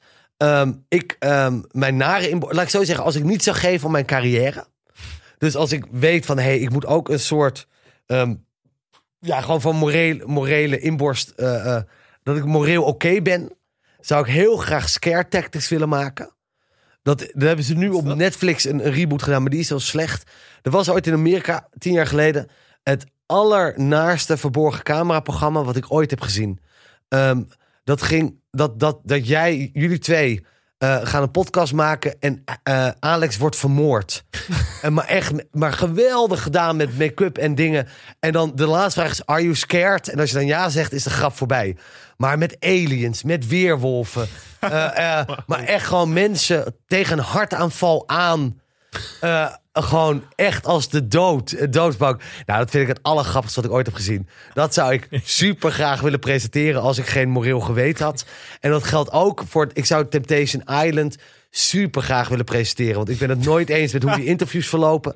Ik zou het ook veel harder maken. Ja. Ik zou het namelijk ook doen met trucage. Dat als één stel gewoon super keurig is, zou ik gewoon doen met die zwart, die, die, die, die nachtbeelden. Gewoon dan doe je onder de lakens van zijn kamer dan met twee acteurs alsof die wel diegene heeft geneukt. En dat die vriendin dan als wraak wel vreemd gaat en die beelden. Ik zou nogmaals, ik zou als ik geen moreel geweten had, zou ik de Nederlandse televisie pas echt naar een nieuw dieptepunt trekken. Ja, dat zou wel echt wat zijn in dit, in dit toch wel conservatieve tv-landschap. Ik Ja. weet niet wat Angela de Jong dan gaat doen als je dat soort programma's op tv gaat uitzenden. Ja. Maar Ik denk dat dit het moment is om het over Ex on the Beach te gaan Zeker. En ik zou nog heel graag een horrorserie ook wel willen maken. Gewoon Ja. alles met horror. ja, jij bent heel erg. Ik las het ook in interviews dat je heel graag dus een horrorfilm een keer zou willen maken. Ja. Maar waar komt die fascinatie vandaan? Ik hou heel erg van genre. Ik vind, Mhm. ehm, ik vind een van wat ik zo mooi vind aan genre, het, het meest, eigenlijk het meest ver, ver, verafvoeide. Het wordt al zelfs echt low culture. Terwijl ik denk dat eh, naast humor is horror iets, het, het, het, genre wat het meeste emoties losmaakt. Ik ken heel Ja. veel mensen die durven geen horrors te zien. Dat vind ik al geweldig. Die Ja. kunnen het niet Ja. aan wat het met je doet. En een goede horror... Het, kijk, het genre heeft zichzelf ook verneukt. Hè? Ik heb nooit begrepen ehm, waarom ehm, horrorfilms altijd... Soms is het briljant, maar heel vaak is het middelmaat. En onmiddellijk ook heel slecht geacteerd. Maar echt heel slecht. Ik snap nooit waarom moet dat... Het, het kan toch ook een B-horrorfilm zijn... met een redelijk idee, met gemuteerde bevers. Eh, maar dat het wel gewoon nog een beetje oké geacteerd is. Maar dat kan blijkbaar. Dus dat is een beetje jezelf in de vingers snijden. Maar ja, ik hou, eh, ik hou van de, het creatieve denken. Gewoon het, het, het, het meest nare verzinnen. Ik Ja. vind dat een heel leuk denkspel. Ja, ik denk wel dat eh, Get Out van Jordan Peele wat dat betreft wel iets veranderd heeft. Zeker, absoluut. Daardoor heeft het wel wat meer mainstream of zo. Horror is Ja, niet meer de zo. laatste jaren zit er sowieso wel weer echt een... Ja, een Maar ik, als je kijkt naar Human Centipede... eh, dat, dat is van Tom Six. Dat is gewoon een Nederlandse regisseur. Wanneer wordt hij ooit genoemd? Ik bedoel, terecht. Marten Koolhoven, eh, Jim Tehutu... eh, zijn briljante regisseurs. Ja. Eh, eh, Michel de Hoor. Maar waarom wordt hij... Hij is de, eigenlijk de grootste regisseur van Nederland. Als je ziet wat de Human Centipede heeft gedaan... Wordt nooit... Ik heb zijn nieuwe film mogen zien. eh, Onania alvast. Ja, I love it. Het idee. En dat is gewoon. Het krijgt nooit de erkenning van briljantie. Als jij een, een briljant idee hebt voor een romantische film. of een thriller. eh, of, of eh, een comedy. dan word je als, als op een schild gehezen. Ah, wat een groot filmmaker. Terwijl als jij een. bril- De Human Centipede is een briljant idee. Dat is even groot gedacht. Het uiteindelijk even slim gedacht als Get Out. Ja. Natuurlijk is Get Out mooier gemaakt. En het- nou, er zit nog een diepere laag onder qua maatschappijkritiek. Mhm. Alleen op een manier, het wordt altijd verafschuwd. Maar Ja. wij hebben ook helemaal niet die traditie van genrefilms in Nederland eigenlijk. We, hadden een paar weken geleden Max Porcelein en toen hadden we het ook met hem over van... eh, Waarom is dat hier niet? Want eh, ja, het, is ook, het zijn ook vaak mijn favoriete... eh, Het is ook mijn favoriete Ja. genre. Dat is dan gek, maar... Maar ook gewoon horror. Die traditie hebben wij helemaal niet. En ik, ik vind ook, ik vind horror psychologische thriller. Dat zit een beetje daartussenin. Ja. Ik vind Prisoners eh, van Dennis Villeneuve. Dat vind ik nou, een van de allerbeste films ooit gemaakt. Mhm. Alleen omdat het naar is, mag het nooit hoge cultuur zijn op een of andere Mm. manier. ja. En daar, dat, dat vind ik een beetje onzin. Ja. Geef mij maar, ik hou ook heel erg van kunst eh, waar ik heel erg ongemakkelijk van word. Ja, precies. Maar in principe zou dat dan toch moeten kunnen in Nederland. Ik denk, ik denk, ik denk eigenlijk elk jaar van... Voor horror heb je vaak ook helemaal niet zoveel budget nodig. Van, je zou best eh, met een goed creatief team... wat mensen bij elkaar kunnen vinden. En dan, dan Het hangt, ja, wel. het gaat om het idee. Ja, Ja. het, het, het stomme is, eh, ik ben eigenlijk nooit tevreden over alles wat ik denk en maak. En ook nooit zelfverzekerd over comedy. Alleen ik denk dat ik twee horror-ideeën heb die fucking goed zijn. Dat is het enige eigenlijk in al mijn werk waar ik wel tevreden over ben. Maar zou je het dan zelf willen regisseren ook? Of schrijven? Of, eh, Wel schrijven. ik, denk, ik denk, je moet ook je limieten kennen. Dat ik denk, ik, ik zou veel liever hebben als ik gewoon een hele goede regisseur erop kan zetten. Dat het kans vergroot dat het alleen maar beter wordt. Dus het filmfonds kan bellen. ja, of, eh, of we moeten Max Porcelein weer eh, inschakelen. zeker. En ik moet tijd hebben. Dat is, dat is het enige grote... Ja. Van horror is de kleine stap naar Ex on the Beach. Ja. Probeer het nog een keer. Ik wil het er heel graag over hebben. Ja. Wat is, wat is de magie daarvan? Nou, ik heb het ik heb pas eigenlijk echt goed ontdekt tijdens de lockdown. Ehm, ik, ik moet ook zeggen, het is, het is McDonald's magie. Ik weet ook nooit of ik me nou heel fijn voel na afloop. Ehm, nou, ik, ik hou wel van een soort lage cultuurprogramma's. Ze kunnen ook veel zeggen over onszelf. Dat, dat, dat vind ik er vaak interessant aan. Ik hou gewoon een soort biotoop van eigen regels. Ja. Eh, ik kijk gewoon totaal verwonderd. Ik leer ervan. Eh, ik, hou van ik hou van de naarheid. Eh, ja, van de ruzies. Ik, ik, kijk, ik ga heel goed als er ons menselijk tekort wordt getoond. Ja. Dat, dat vind ik gewoon heerlijk. Ja. Wat ik, wat ik het vette vind aan Ex on the Beach is dat binnen Ex on the Beach bestaat er geen buitenwereld meer. Exact. Het enige waar ze het over hebben is drama en gewoon onderlinge verhoudingen. Terwijl bij Big Brother of zo gaat het vaak nog over. eh, nou, eh, wat is er dit en dit of zo? Hoe, wat voor werk doe je? Dat soort dingen. Bij Ex on the Beach bestaat het. al- Nou, er was dan één iemand die nadat ze een kwartet had gehad, zei van ja, ik ben, eh, ik ben eh, in opleiding voor leerkracht. Maar verder, zeg maar, er bestaat de buitenwereld bestaat niet meer. En dat is denk ik ook wel echt goede editing. Maar dat bedoel ik met zijn eigen biotoop. Ja. Dat, gewoon, het heeft een eigen wereld gecreëerd. Ik moet wel zeggen, ehm, als we het hebben over de morele grens. ehm, Videoland heeft nu het eerste seizoen. de eerste drie seizoenen online gezet. Dat had ik nooit gezien. Nou, in dat eerste seizoen gebeurt iets waarvan ik eigenlijk niet weet... kan dit wel worden uitgezonden en is dit niet eh, eh, aanranding? Daarna dat meisje gaat uiteindelijk wel weer met die gozer. Ik, ik, ik weet ook niet of ik daar dan weer een oordeel over moet hebben. Dus laat dat wel even gezegd hebben voordat Ja. we hier heel enthousiast over gaan lullen. ik weet soms ook niet of dat door de edit komt.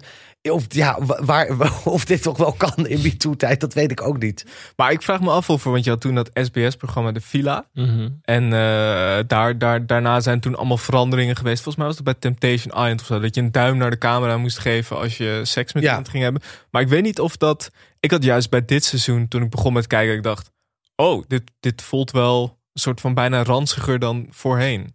Ja, maar dit seizoen, we hebben nu over seizoen 7 voor, voor Ja. de fan. Lijkt, het, lijkt iedereen oké te zijn met alles. Ja, Eh, maar het gaat om in seizoen 1 zag ik opeens eh, vorige week iets waar gewoon, ja, het is niet oké. Dat meisje vindt de volgende dag, die, die, die is niet blij met wat er is gebeurd. Ehm, dus dat moet ik gewoon even gezegd hebben voordat gewoon Ja. heel enthousiast- Waar gewoon, daar verbaasde ik me een beetje over. Nou, het is ook niet iets waar je trots op bent dat je daar enthousiast over bent. Het is ook meer, denk ik, wel een soort verwondering. Zeker. Kijk, dit zijn, dit zijn, dit zijn de dingen die ik interessant erover vind. Ehm, wat ik ervan. Nou, ten eerste vind ik dus leuk dat er, er zijn eigen regels. Ja, Dus eh, er zijn totaal weirde dingen wanneer je iemand beledigt en wanneer niet. Wat ik fascinerend vind. Ehm, ik leer gewoon. Ik, nog steeds zie je eigenlijk, daarom vind ik leuk om er diep over te lullen. Je ziet nog steeds de ongelijkheid tussen mannen en vrouwen heel erg in het Ja. programma. Dat ehm, de sletvrees, nou die is er niet in het programma. Maar eh, een meisje gaat met een man. Die meisje krijgt altijd te klappen. ja, ja. Altijd van de andere vrouwen, het gezeik. Die man is, komt er altijd mee weg. Eh, die mannen beschermen elkaar ook altijd. En die vrouwen die vallen elkaar alleen maar aan. ja. Want ik, zo, ik vind het heel frustrerend. Dit seizoen zit er Leslie. Ik ben heel erg team Leslie. Want die zegt ook, die wordt aangevallen door een meisje. En die zegt, ja hallo, wat, wij, doet wij zijn geen vriendinnen. Ja. Waarom zou ik respect voor jou moeten hebben? Eh, terwijl die man, die is dan al een tijdje met die chick geweest. ja. Dus eh, word eens boos op die man. Dus ik, ben, ik vind Leslie heel erg goed. Maar er zat, in dit seizoen zit er ook een soort anti-MeToo... Nou, eigenlijk een MeToo-moment met een soort anti-MeToo-moment. Want je hebt een nieuwe jongen, Sander, die slaat op de Ja, kont van Journey. En Ja. zij is er totaal niet van gediend. En zij wil hem eigenlijk ook in de aflevering daarna nog aanvliegen daarover. ja. En dat vond ik zo'n goed moment, want ik dat, dat zie je zelden in dat soort programma's. Dat Eens. ze opeens zoiets had van, wat doe je bij me? Ik ken je, want zij, zij had, zij, voor Alex, je hebt het niet gezien, maar zij kende hem nog niet. Ze Ik denk dat het echt voor alle luisteraars. Ik vind überhaupt Sander, we gaan gewoon nu per omschrijven. Sander is geweldig. Sander komt van, van of laten we zeggen, aflevering 6 binnen. Ja. Nou, die komt binnen met een enthousiasme. Dit wordt neuken, dit wordt leuk. Ja. Eh, een man van 40 ook volgens mij. Ehm, die, gaat- Glad Amsterdam. die komt het strand opgelopen. Dat is trouwens dit programma. Dit, dat is ik, ik ben bijna van plan, dat meen ik. Dus ik ga nog niet weg. Ik wil eigenlijk in de oudejaars... eh, ik wil een link leggen tussen Ex on the Beach en de vluchtelingencrisis. Dat is een plan. Ik dacht dat je ging zeggen, ik wil zand laten storten. En, dan een soort van nee. zo opkomen. Maar dan komen de exen komen uit de zee gelopen. Ja. Er zitten drie mensen op een strandbedje, het doodsbang welke eh, psycho-ex eraan komt. Sander komt, Sander zie je, dit wordt neuken, wordt feesten. Die, zijn eerste opmerking is, nou ik hoor dat er alleen maar poesjes in het huis zijn, dus hier ben ik. Ja. Onmiddellijk het hele huis woedend. Dus die, die Sander, ik heb eigenlijk meeleid, die kan niks goed doen. Die heeft de eerste avond iedereen op hem, wie zijn dan poesies? Dus zijn, zijn vakantie is nu al verpest. Ja. De tweede avond is hij eindelijk, is hij, heeft iedereen hem weer geaccepteerd. Hij denkt, nou nu ga ik mee in het feestgedruis. Slaat Journey op zijn kont. Weer iedereen woedend. Dus Sander kan, Sander is ook, je krijgt een soort medelijden dat hij kan helemaal niks goed doen. Die denkt dat hij er is, maar die is de hele vakantie lul. Maar die entree in die villa was geweldig. Want hij kwam de trap op. Hij was de trap nog niet volledig op. Of er, stonden gewoon, er stond een soort cordon van drie jongens. En de eerste zei gewoon... Er was een jongen die echt nog bijna... Danny volgens mij heet hij. Die had nog bijna niks gezegd. En opeens was hij er klaar mee. Hij zei... Hoe noem je ons uh, poesjes en flikkers? Hè? Hè? Je kent ons helemaal niet. En toen hebben ze een matras... Een soort van in de bosjes gegooid. Dat is ook, ja, de koffers worden ondergepist of worden in het zwembad. Dat is de grootste schande die je kan hebben. Dat je koffer in. Ik zou ook, ik zit ook heel erg, ik vind het heel erg fijn als ik kijk, zit ik alleen maar te fantaseren. Wat ik eigenlijk het liefst weer, als ik geen moreel geweten heb, zou ik zo mee willen doen. Want ik had er ook iets over getweet van je zou mij alleen maar een boek zien lezen en zou zeggen kan het wat zachter. ik zou ook alleen maar regenkleding meenemen, omdat mijn koffer de hele tijd in het zwembad kan worden gegooid. Ik zit alleen maar zo te denken, hoe zou ik eh, eh, daarin zijn? Ehm, Fuck, wat wou ik nou zeggen over Sander? Dat, oh, dit is ook zo fascinerend dat als kijker. Je wordt meegetrokken in dat moeras van vulgair. Er, zit, er zijn altijd één of twee kandidaten die, die doen minder. Dus die zie je per aflevering minder in beeld komen. En op een gegeven moment ga je als kijker ergeren. Ja, neuk is wat. Doe eens wat. Terwijl dat zijn de enige twee mensen die eigenlijk gewoon normaal zijn. Die en niemand op hun bek slaan. En niet zomaar voor de camera met iemand naar bed gaan. Maar als kijker word je op een gegeven moment zo geconditioneerd. dat je gaat ergeren aan, aan de normale mensen. Dat vind ik ook geweldig gedaan. Het is ook, je hebt ook, altijd is, zit er altijd zit er elk seizoen één of twee echt characters bij. Waarvan Ja. je echt denkt, waar, dat heb ik dit seizoen met Dusty. Ik heb het ook wel met Sander, maar ook Ik heb, met ik heb Dusty. Leslie, ik heb Dustin, ik heb Sander. Eh, dit, nou ja, wil jij er wat over zeggen? Nee, nee, vertel. Nou, dat is ook zoiets, dat leer er ook weer van. En dat is voor mij, voor het echte versierleven ook. Alles draait om geloof. Heb geloof in jezelf. Ja. Mhm. Eh, eh, en je hebt Dusty, nou, eh, sorry, maar echt een jongen. De eerste kijk, je denkt, jij gaat geen. Die zegt, ja, die heeft dan al 96 meisjes geneukt. En die wil op vakantie de 100 halen. Het is altijd de minst afgetrainde die het meeste neukt. Ja, je- altijd. maar je denkt ook van, nou, maar Dusty, hoe, waar hou je die 96 vandaan? Ik, ik bedoel, hij is misschien nog wel knapper dan ik ben, prima. Maar je bent niet de knapste. Maar het is dat, dat, dat, dat, dat onuitputtelijke geloof. En Dusty neukt de een naar de ander. En dat geldt ook weer, dat de mojo, dat als je eenmaal iemand geneukt hebt, dan, dat, dat geldt ook voor het echt leven. Ik heb altijd, als ik een vriendin heb, kijken vrouwen meer naar me. Omdat dan straal je iets uit. Mhm. Van ik heb al een vrouw, dat, dat, dat, dat, zo werkt het gewoon. Nou, bij Dusty ook. Eh, opeens, die, die, die kan na die ene, krijgt hij iedereen. En zit je totaal verbaasd te kijken van wat, hoe dan? Wat ik ook zo goed vind aan het programma is dat als je eenmaal met iemand naar bed bent geweest, dan komt de foto van diegene ook voor altijd naast je naam te staan. Dus het is echt een soort kerfstok Oh. is het. Echt van. En dus bij sommige mensen zie je helemaal niks. En inderdaad, dan denk je van. Hey, je zit er al zes afleveringen in, wat ben je aan het doen? Maar bij zo'n Dusty zie je gewoon een. Dat je denkt, ja, dat is gewoon iedereen. Ze moeten steeds alle uitzoomen om iedereen in beeld te krijgen onder zijn gezicht. Ah, jullie zijn me wel echt aan het overhalen om dit te gaan kijken. Ja, kan je ook gelukkig. Ik goede wilde pitch. weten, Ja. kan je iets... Wat ik ook van heb geleerd, wat ik interessant vind. Het gaat ook, eigenlijk heb ik dit ook vooral van Temptation geleerd. Dit is de, de, ehm, hoe emotioneel beperkt wij mannen zijn. Wij, wij, als je de mannen hoort praten over hun vriendin... en dan vragen ze altijd voor welke mannen ben je bang? Mhm. Mannen kiezen altijd mannen die op hun lijken. Ja, ja, ja. Terwijl vrouwen zijn veel slimmer. Die kiezen altijd vrouwen waarvan ze weten, daar valt hij op. Dus je hoort die vrouw zeggen, nou ja, die, die blonde, hij valt erop. Terwijl die mannen, die proberen altijd een soort replica. Dat vind ik zo dom. Waarom zou ze nou met een replica van jou gaan, vriend? Ze heeft jou al. Maar dat is, dat is de beperktheid van ons mannen. Ik, ik ben heilig overtuigd dat het zegt wat over ons seksen. Ik vind bij Temptation Island, maar ik vind Ex on the Beach nog leuker, omdat het allemaal zo. De voice-over is ook vergeleken met seizoen 1. vo- Is de voice-over redelijk rustig. Maar nu doet de Ik zou ook trouwens heel graag voice-over de voice-over willen zijn. Als ik geen moreel hoe, geweten hoe had. word je dat? Ja, ik weet niet. Ja, dat, Moet je dan op casting komen en dan. Want echt, ja, ik denk dat het wordt geschreven door iemand anders. Maar ik zou zo graag ook... Ik zou het willen presenteren. Ja. Ik zeg, oh, Maar ik ben blij dat er bij Ex on the Beach. Ik vind het bij Temptation Island. Soms vind ik het leuk dat eh, Rick en. eh, hoe heet de. Rick Brandstede en eh, was het dit jaar eh, Monica? Nee. Ja, het zou wel kunnen. Ja, ja. Weet ik eigenlijk niet. Ik heb het laatste seizoen niet gezien. Maar ik vind, het, ik vind Rick. eh, Aan de ene kant vind ik het fijn dat Ex on the Beach geen presentator heeft. Maar ik vind Rick wel. Echt zijn rol is ook wel geweldig. Want hij komt altijd gewoon een beetje zo bezweet aangelopen. En dan gaat hij zitten tussen de jongens. En dan is het echt zo'n onderrondje van. Zo, wat is er vannacht nou weer allemaal gebeurd, hè? Ja, nee, maar ik vind, helemaal ik vind. Rick, maar Rick, ja, maar dat is natuurlijk mijn slechte inborst. Ik vind Rick te lief. Voor, er mag voor mij wat meer gepeurd worden eh, in, in de wonden en zo. Ik, ik wil gewoon, ik wil eigenlijk dat van aflevering 1 al misgaat. Maar hoe zou jij dat aanpakken dan? Stel, je, bent- je doet je morele geweten weg en je wordt presentator. Ja, wat ik al zei, dus we gaan eerst beelden in scène zetten.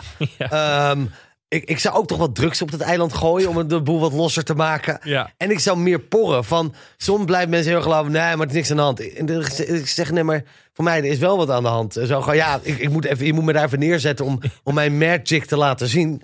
Nou, we kunnen pilot Ik denk, eh, ik denk wat het ook altijd is. Ze doen altijd dan. Rick gaat altijd naar de mannen toe. En de vrouwelijke presentatrice gaat altijd naar de vrouw toe. Maar ik denk eigenlijk dat ze dat af en toe moeten omdraaien. Dat je Ja. ook dat Michael Jordan, waar jij het net over hebt, dat Rick kan zeggen van ja. Wat hij net zei over, ja, ik, ik wil het niet. eh, maar en dat, dat hij dan weer terug gaat naar die mannen. Ja, wat je vriendin net over je zei. Eigenlijk vind ik gewoon dat je van beginnen hoort gewoon niet bij. Jullie passen niet bij elkaar. Je moet gewoon van het begin moet je gaan lullen. Ja, nee, maar Ex on the Beach. Ja, het is een god.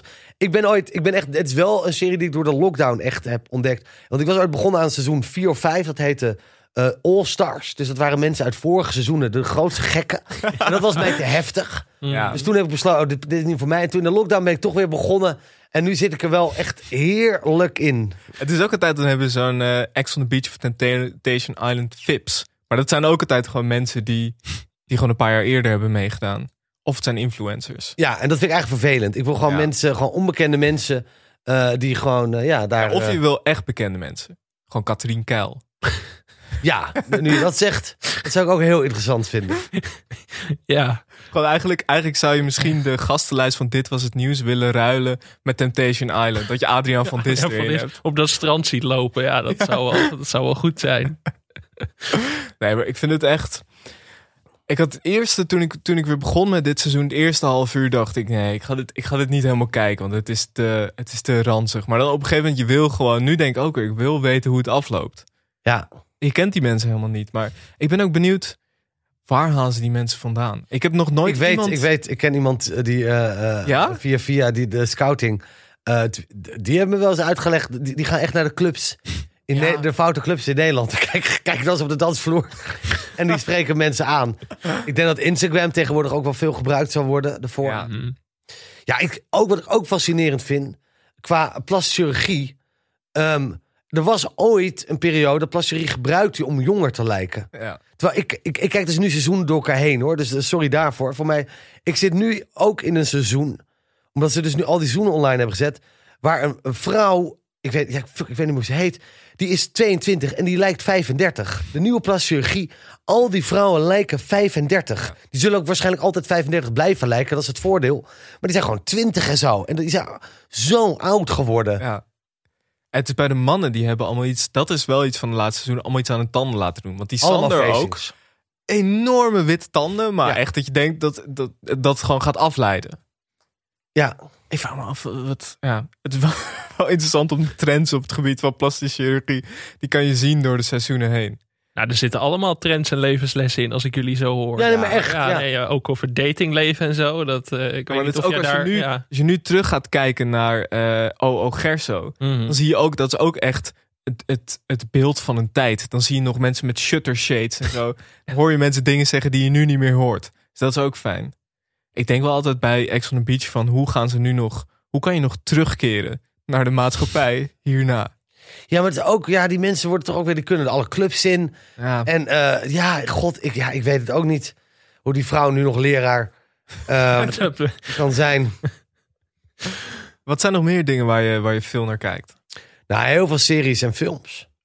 Ehm, dus, dus dat is het meeste. Ik zat even, toen ik hier naartoe fietste, zat ik ook even nadenken. Wat zijn er nog meer? Ehm, dat gaat natuurlijk ook de Nederlandse series, Nederlandse films. VI volg ik nog wel regelmatig. Maar tegenwoordig doe ik eigenlijk alleen nog maar even wat ze op YouTube zetten. Gewoon die Ja. punten. Mhm. Eh, ik zat denken, waar ik heel erg fan van ben, is de eh, slechtste chauffeur van Nederland. Ja.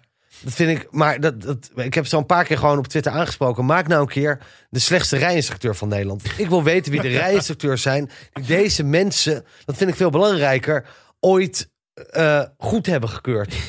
Ehm, dat vind ik een leuk programma. Ehm, ik, ik, ben, ik heb de laatste tijd ook een trend dat ik alle politieprogramma's interessant vind. Nederlandse politieprogramma's. Die- dat is maar vier afleveringen. Terwijl dat vond ik geweldig. Handhavers in actie. Oh ja, ja. Dat waren namelijk boa's die gevolgd werden. Dus die hadden geen macht. Die konden Ja. niks. Maar moesten wel alles oplossen. Nou, dat vond ik. En dat, dat echt, ik zweer het je, dat leerde me ook weer veel over de Nederlandse inborst. Echt, als je houdt van politieseries, de oude Peter R. de Vries misdaadverslaggever aflevering. We hebben dat een keer besproken met Sam Planting. En ik kijk het nog steeds best wel vaak terug op YouTube. Want het is Kan ik dat terugvinden op. eh, ja, Ja, is dat fijn? Maar dat zijn echt allemaal ouderwetse Ja. boeven. Echt, Ja. echt karikaturaal gewoon. Ehm, ik vind Expeditie Robinson, dat vind ik echt geweldig. Ik, ik, ik probeer nu een CBS-account te krijgen, maar dan moet ik een Amerikaanse creditcard aanvragen.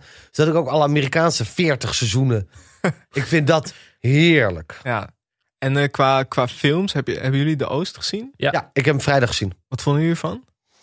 Mm, ik, ben, ik, ik, ben, ik vind Jim Tehutu geweldig. Ik vind De Wolf samen met Ameldevakker de twee beste Nederlandse films die ooit zijn gemaakt. Ja.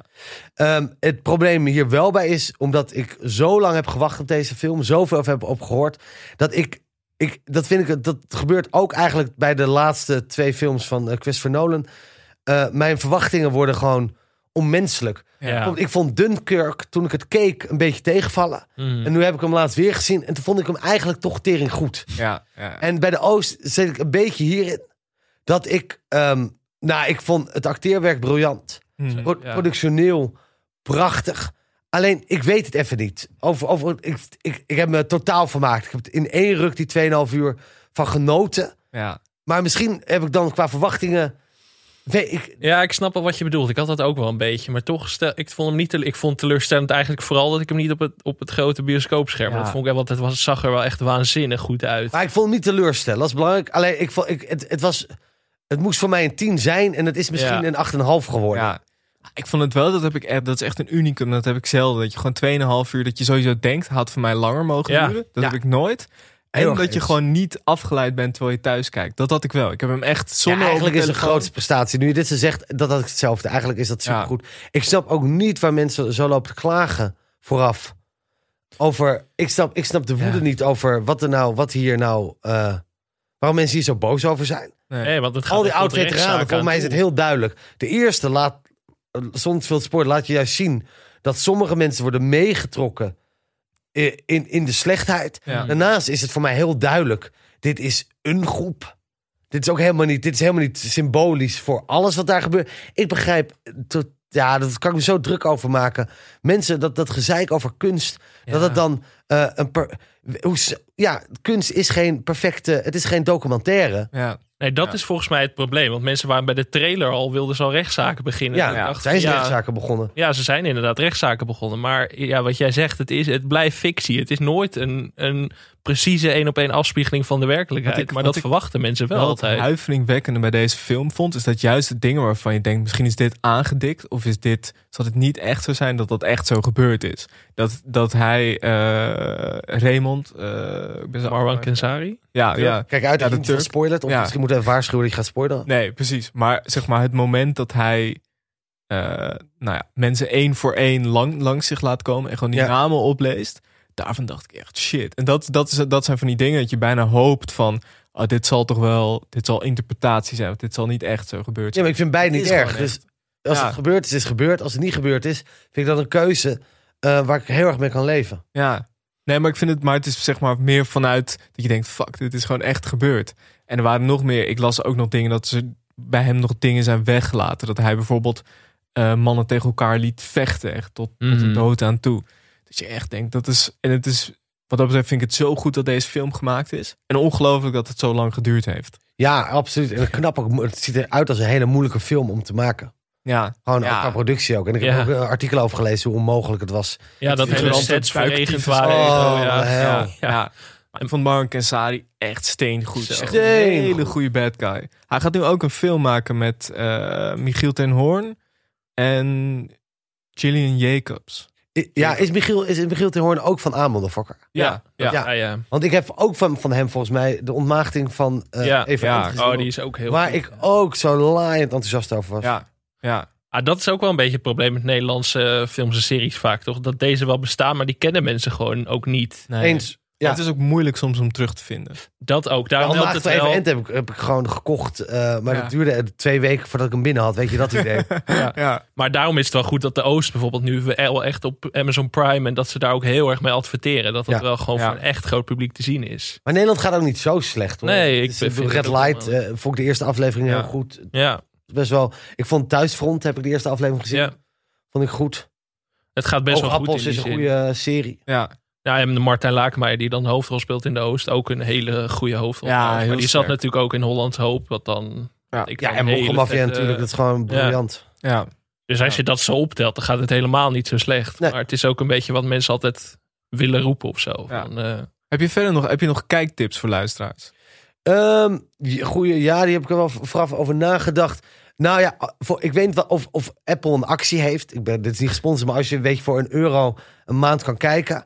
Een film, ik vind toch opvallend veel mensen hebben de morning show toch nog gemist. Mm. ja, die is, Nou, dat vind ik na Succession de beste Ja. serie van de afgelopen jaren. Steve Carell en Jennifer Aniston. Dan ga je daarna onmiddellijk eh, Defending Jacob kijken. Een rechtbank eh, serie. Hartstikke goed in elkaar. Daarna ga je de se- horrorserie The Servant. Ja, die is, Van Mr. Night Shyamalan, dus van The Sixth Sense. Die heeft altijd top of flop. Die heeft ook afschuwelijk slechte films gemaakt. Dit is goed. En er is een nieuwe serie, The Mosquito Coast. zo. Met Justin Theroux. Waar ik weet niet of het zo goed blijft. Maar het is een soort snellere Breaking Bad. Nou, als Ja. ik het niet beter kan verkopen dan dat. Dat je het wil zien. Ehm, Ja, wat aan Apple wel raar is, volgens mij niemand heeft het ook ooit over Apple. Bijna niemand heeft dat. Het gaat vooral Nee, over maar- Netflix, maar Netflix dat gaat gewoon niet zo lekker ding, qua als content. Je, als je al Netflix hebt, je hebt toch Videoland, je hebt al Amazon. Ik, ik kan Apple TV... nee, maar ik ben het het met, in deze krijgen. met Peter eens. Je moet Apple wel echt nemen. Dat is nu echt de moeite. En, En je moet je- ook nog Disney hebben voor de Feyenoord documentaire. ja, maar dat is pas in augustus. Dus tegen die Feyenoord tijd ben je wel door. Apple's voor aanbod mij kan je als je een Apple... Ik kwam erachter omdat ik een, een iPhone had gekocht. Ja. kon ik het een jaar gratis krijgen. Dus Oh, voor ja. mij weten mensen dat veel niet. Ehm, Netflix heeft voor mij het grote probleem nu. ehm, dat die werken nu echt via een algoritme. Ja. Die maken elke film, beetje drama, beetje actie, een grote ster. Dan word ik hele, alles, ik snap ook niet, alles wat ze goed maakten, was eh, vanuit de makers gedacht, wat willen jullie maken? Maak het, go. Ja. En nu wordt het gewoon door de render gehaald. Ik, dus ik begrijp niet wa- waar ze daarmee eh, bezig zijn. Nou, ik vind even de film waar dan Prisoners kennen te weinig mensen. Dat Ja, is, eens. en iedereen houdt van thrillers. Ja. Dat is de beste thriller, denk ik, die er gemaakt is. Ehm, Yellowstone is onvindbaar bijna. Ja. Ehm, dat is van eh, de maker van eh Cesario, Taylor Sheridan. Hm. Een van mijn favoriete schrijvers momenteel in dat genre. Cesario, Wind River heeft hij gemaakt. En dat is een, ehm, een soap. Je moet wel, het is echt soapy. Ja. Maar als je een beetje high, eh, hell or high water Hm. houdt van het cowboy-achtige sfeertje. Yellowstone met Kevin Costner in de hoofdrol. Die best wel goed speelt. Eh, ja, dat is niet altijd eh, het geval geweest. Heb ik nog een hele obscure... Ah, Yellowstone is al redelijk obscuur. Ja, mij, nou. dat, is echt, eh, dat is echt onvindbaar. Heb jij, nog, heb jij nog kijktips, Alex? Nou, de Mosquito Coast had ik ook wel eh, getipt. Want die, die kreeg best wel negatieve recensies. Waar ik Is echt niks van snap. Ja, volgens mij de eerste, na de eerste twee afleveringen had hij 50% op Rotten Tomatoes. Dat ik echt dacht Jeetje. van, wat, wat, wat is hier gebeurd? Ehm, verder nog kijktips. Eh, ja, er is gisteren een documentaire begonnen. Op, of zondagavond op NPO 3. Investi- Voetbaldroom. Ik hoorde over de investigation. Maar heb dat gaat ik over ook die journalisten die vermoord is. ja, toch? die heb ik opgenomen. Ook een vette serie. Heel sober is die eh, serie. Echt, Eens, eh, ze, doen niet, eh, ze brengen de moordenaar zeg maar niet in beeld. Echt gewoon de hele serie niet. Waardoor het heel best wel technisch is aangevlogen, maar wel heel vet gedaan. Ja. En eh, de twee acteurs uit Borgen spelen de hoofdrollen. Mhm. Maar de- echt een vette serie. En ook maar zes afleveringen van drie kwartier. Dus daar ben je ook zo doorheen. Ja, ik wil nog wel de film Promising Young Woman tippen. Heb ik gezien, supergoed. Ja, Was met eh Bo Burnham en Carrie Mulligan. Carey Mulligan. Ja, Mag ik dan even in het verlengde? Mensen niet... eh Bo Burnham heeft een film geschreven, Eighth Grade. Ja, die is is briljant geschreven. Oh, ik, ik, ik, ik vind het onmogelijk knap hoe een volwassen iemand... vanuit de belevingswereld van een jong meisje kan schrijven. Ja, Die, ehm eh, die, het is een vlogger zonder volgers. ja. Het is zo hartverscheurend Mhm. mooi. Ik vind Bo Burnham überhaupt zo'n immens groot Ja. eh, talent. binnenkort een nieuwe special.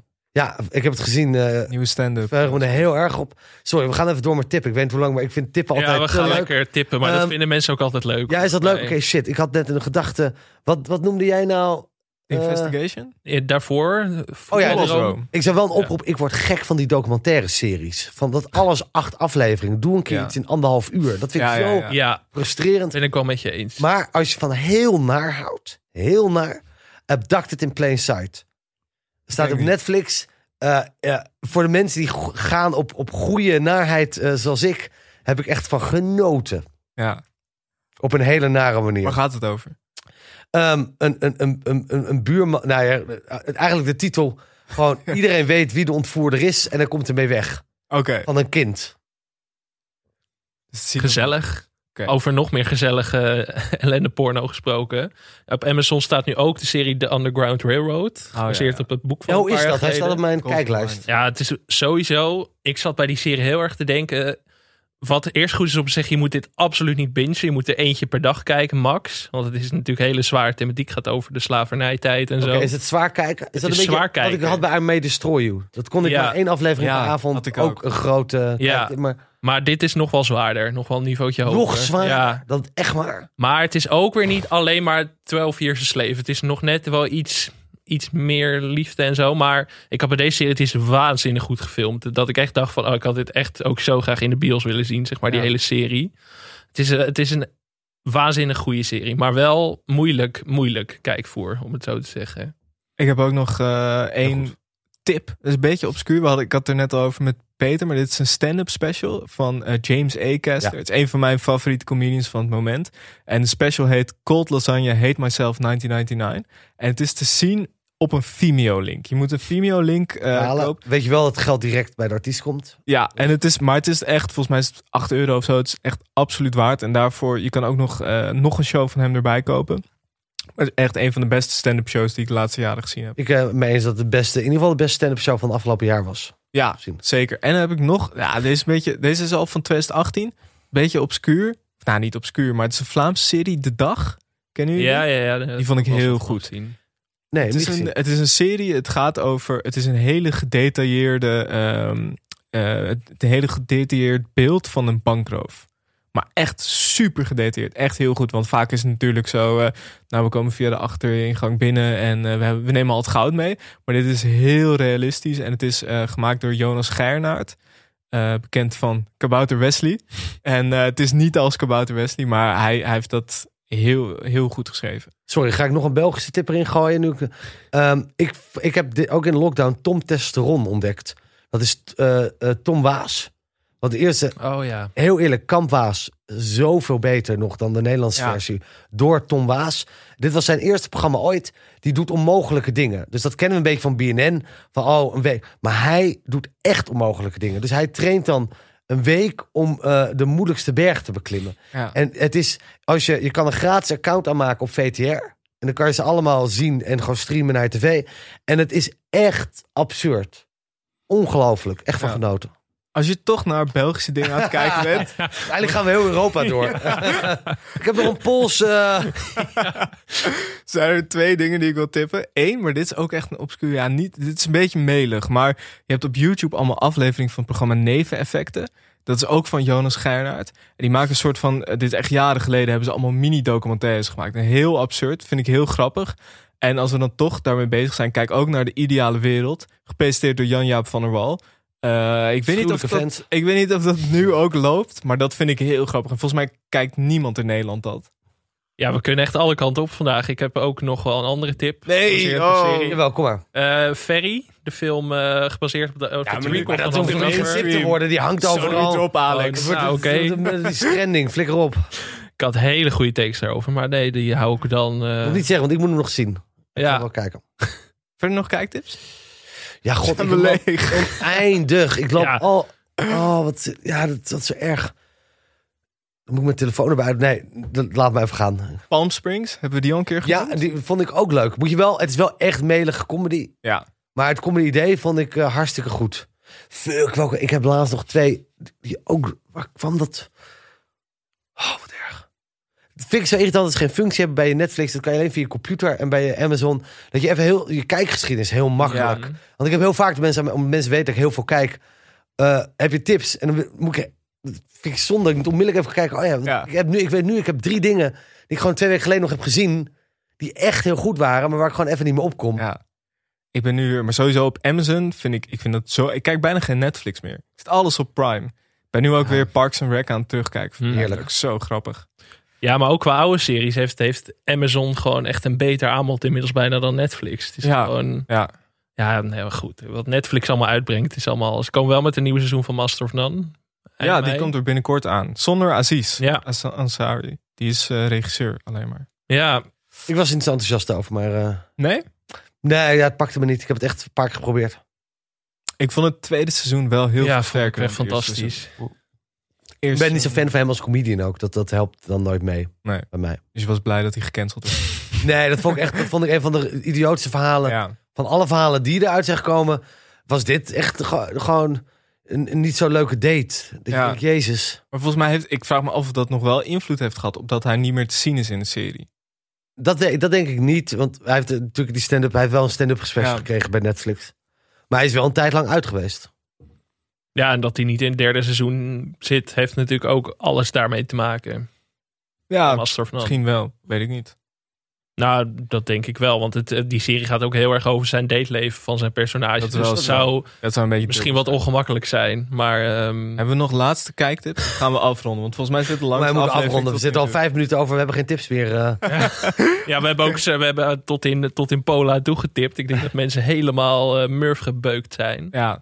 Zijn er verder nog dingen die je, die je wil? Kunnen mensen nog kaarten of al kaarten kopen voor je? ik hoop dat begin juni de kaartverkoop begint voor de juni-tour. Nee, nee, wacht. Begin juni begint ook de, de kaart... Begin, ergens begin juni gaat de kaartverkoop voor de hele oudejaars beginnen. Oké, Waarschijnlijk. Ja, het hele jaar. Ja. Spannend. ja man. Dus eh, mensen moeten gewoon dan naar peterpannenkoek.nl. Perfect. Heel goed. Oké. Nou, eh, fijn dat je er was. Leuk om er te zijn. Vond je deze podcast leuk? Laat een recensie achter op iTunes. Je kan ook vriend van de show worden via vriendvandeshow.nl slash televisiepodcast. Ook is het mogelijk om ons een bericht te sturen op Twitter of Instagram, televisiepod, of mail ons op televisiepodcast.gmail.com. Veel dank aan Dag en Nacht Media, Studio Cloak voor de tune en aan Weits Volkema voor de illustratie. Natuurlijk heel veel dank aan onze gast Peter Pannenkoek. Tot volgende week, laatste aflevering van het seizoen. Tot volgende week.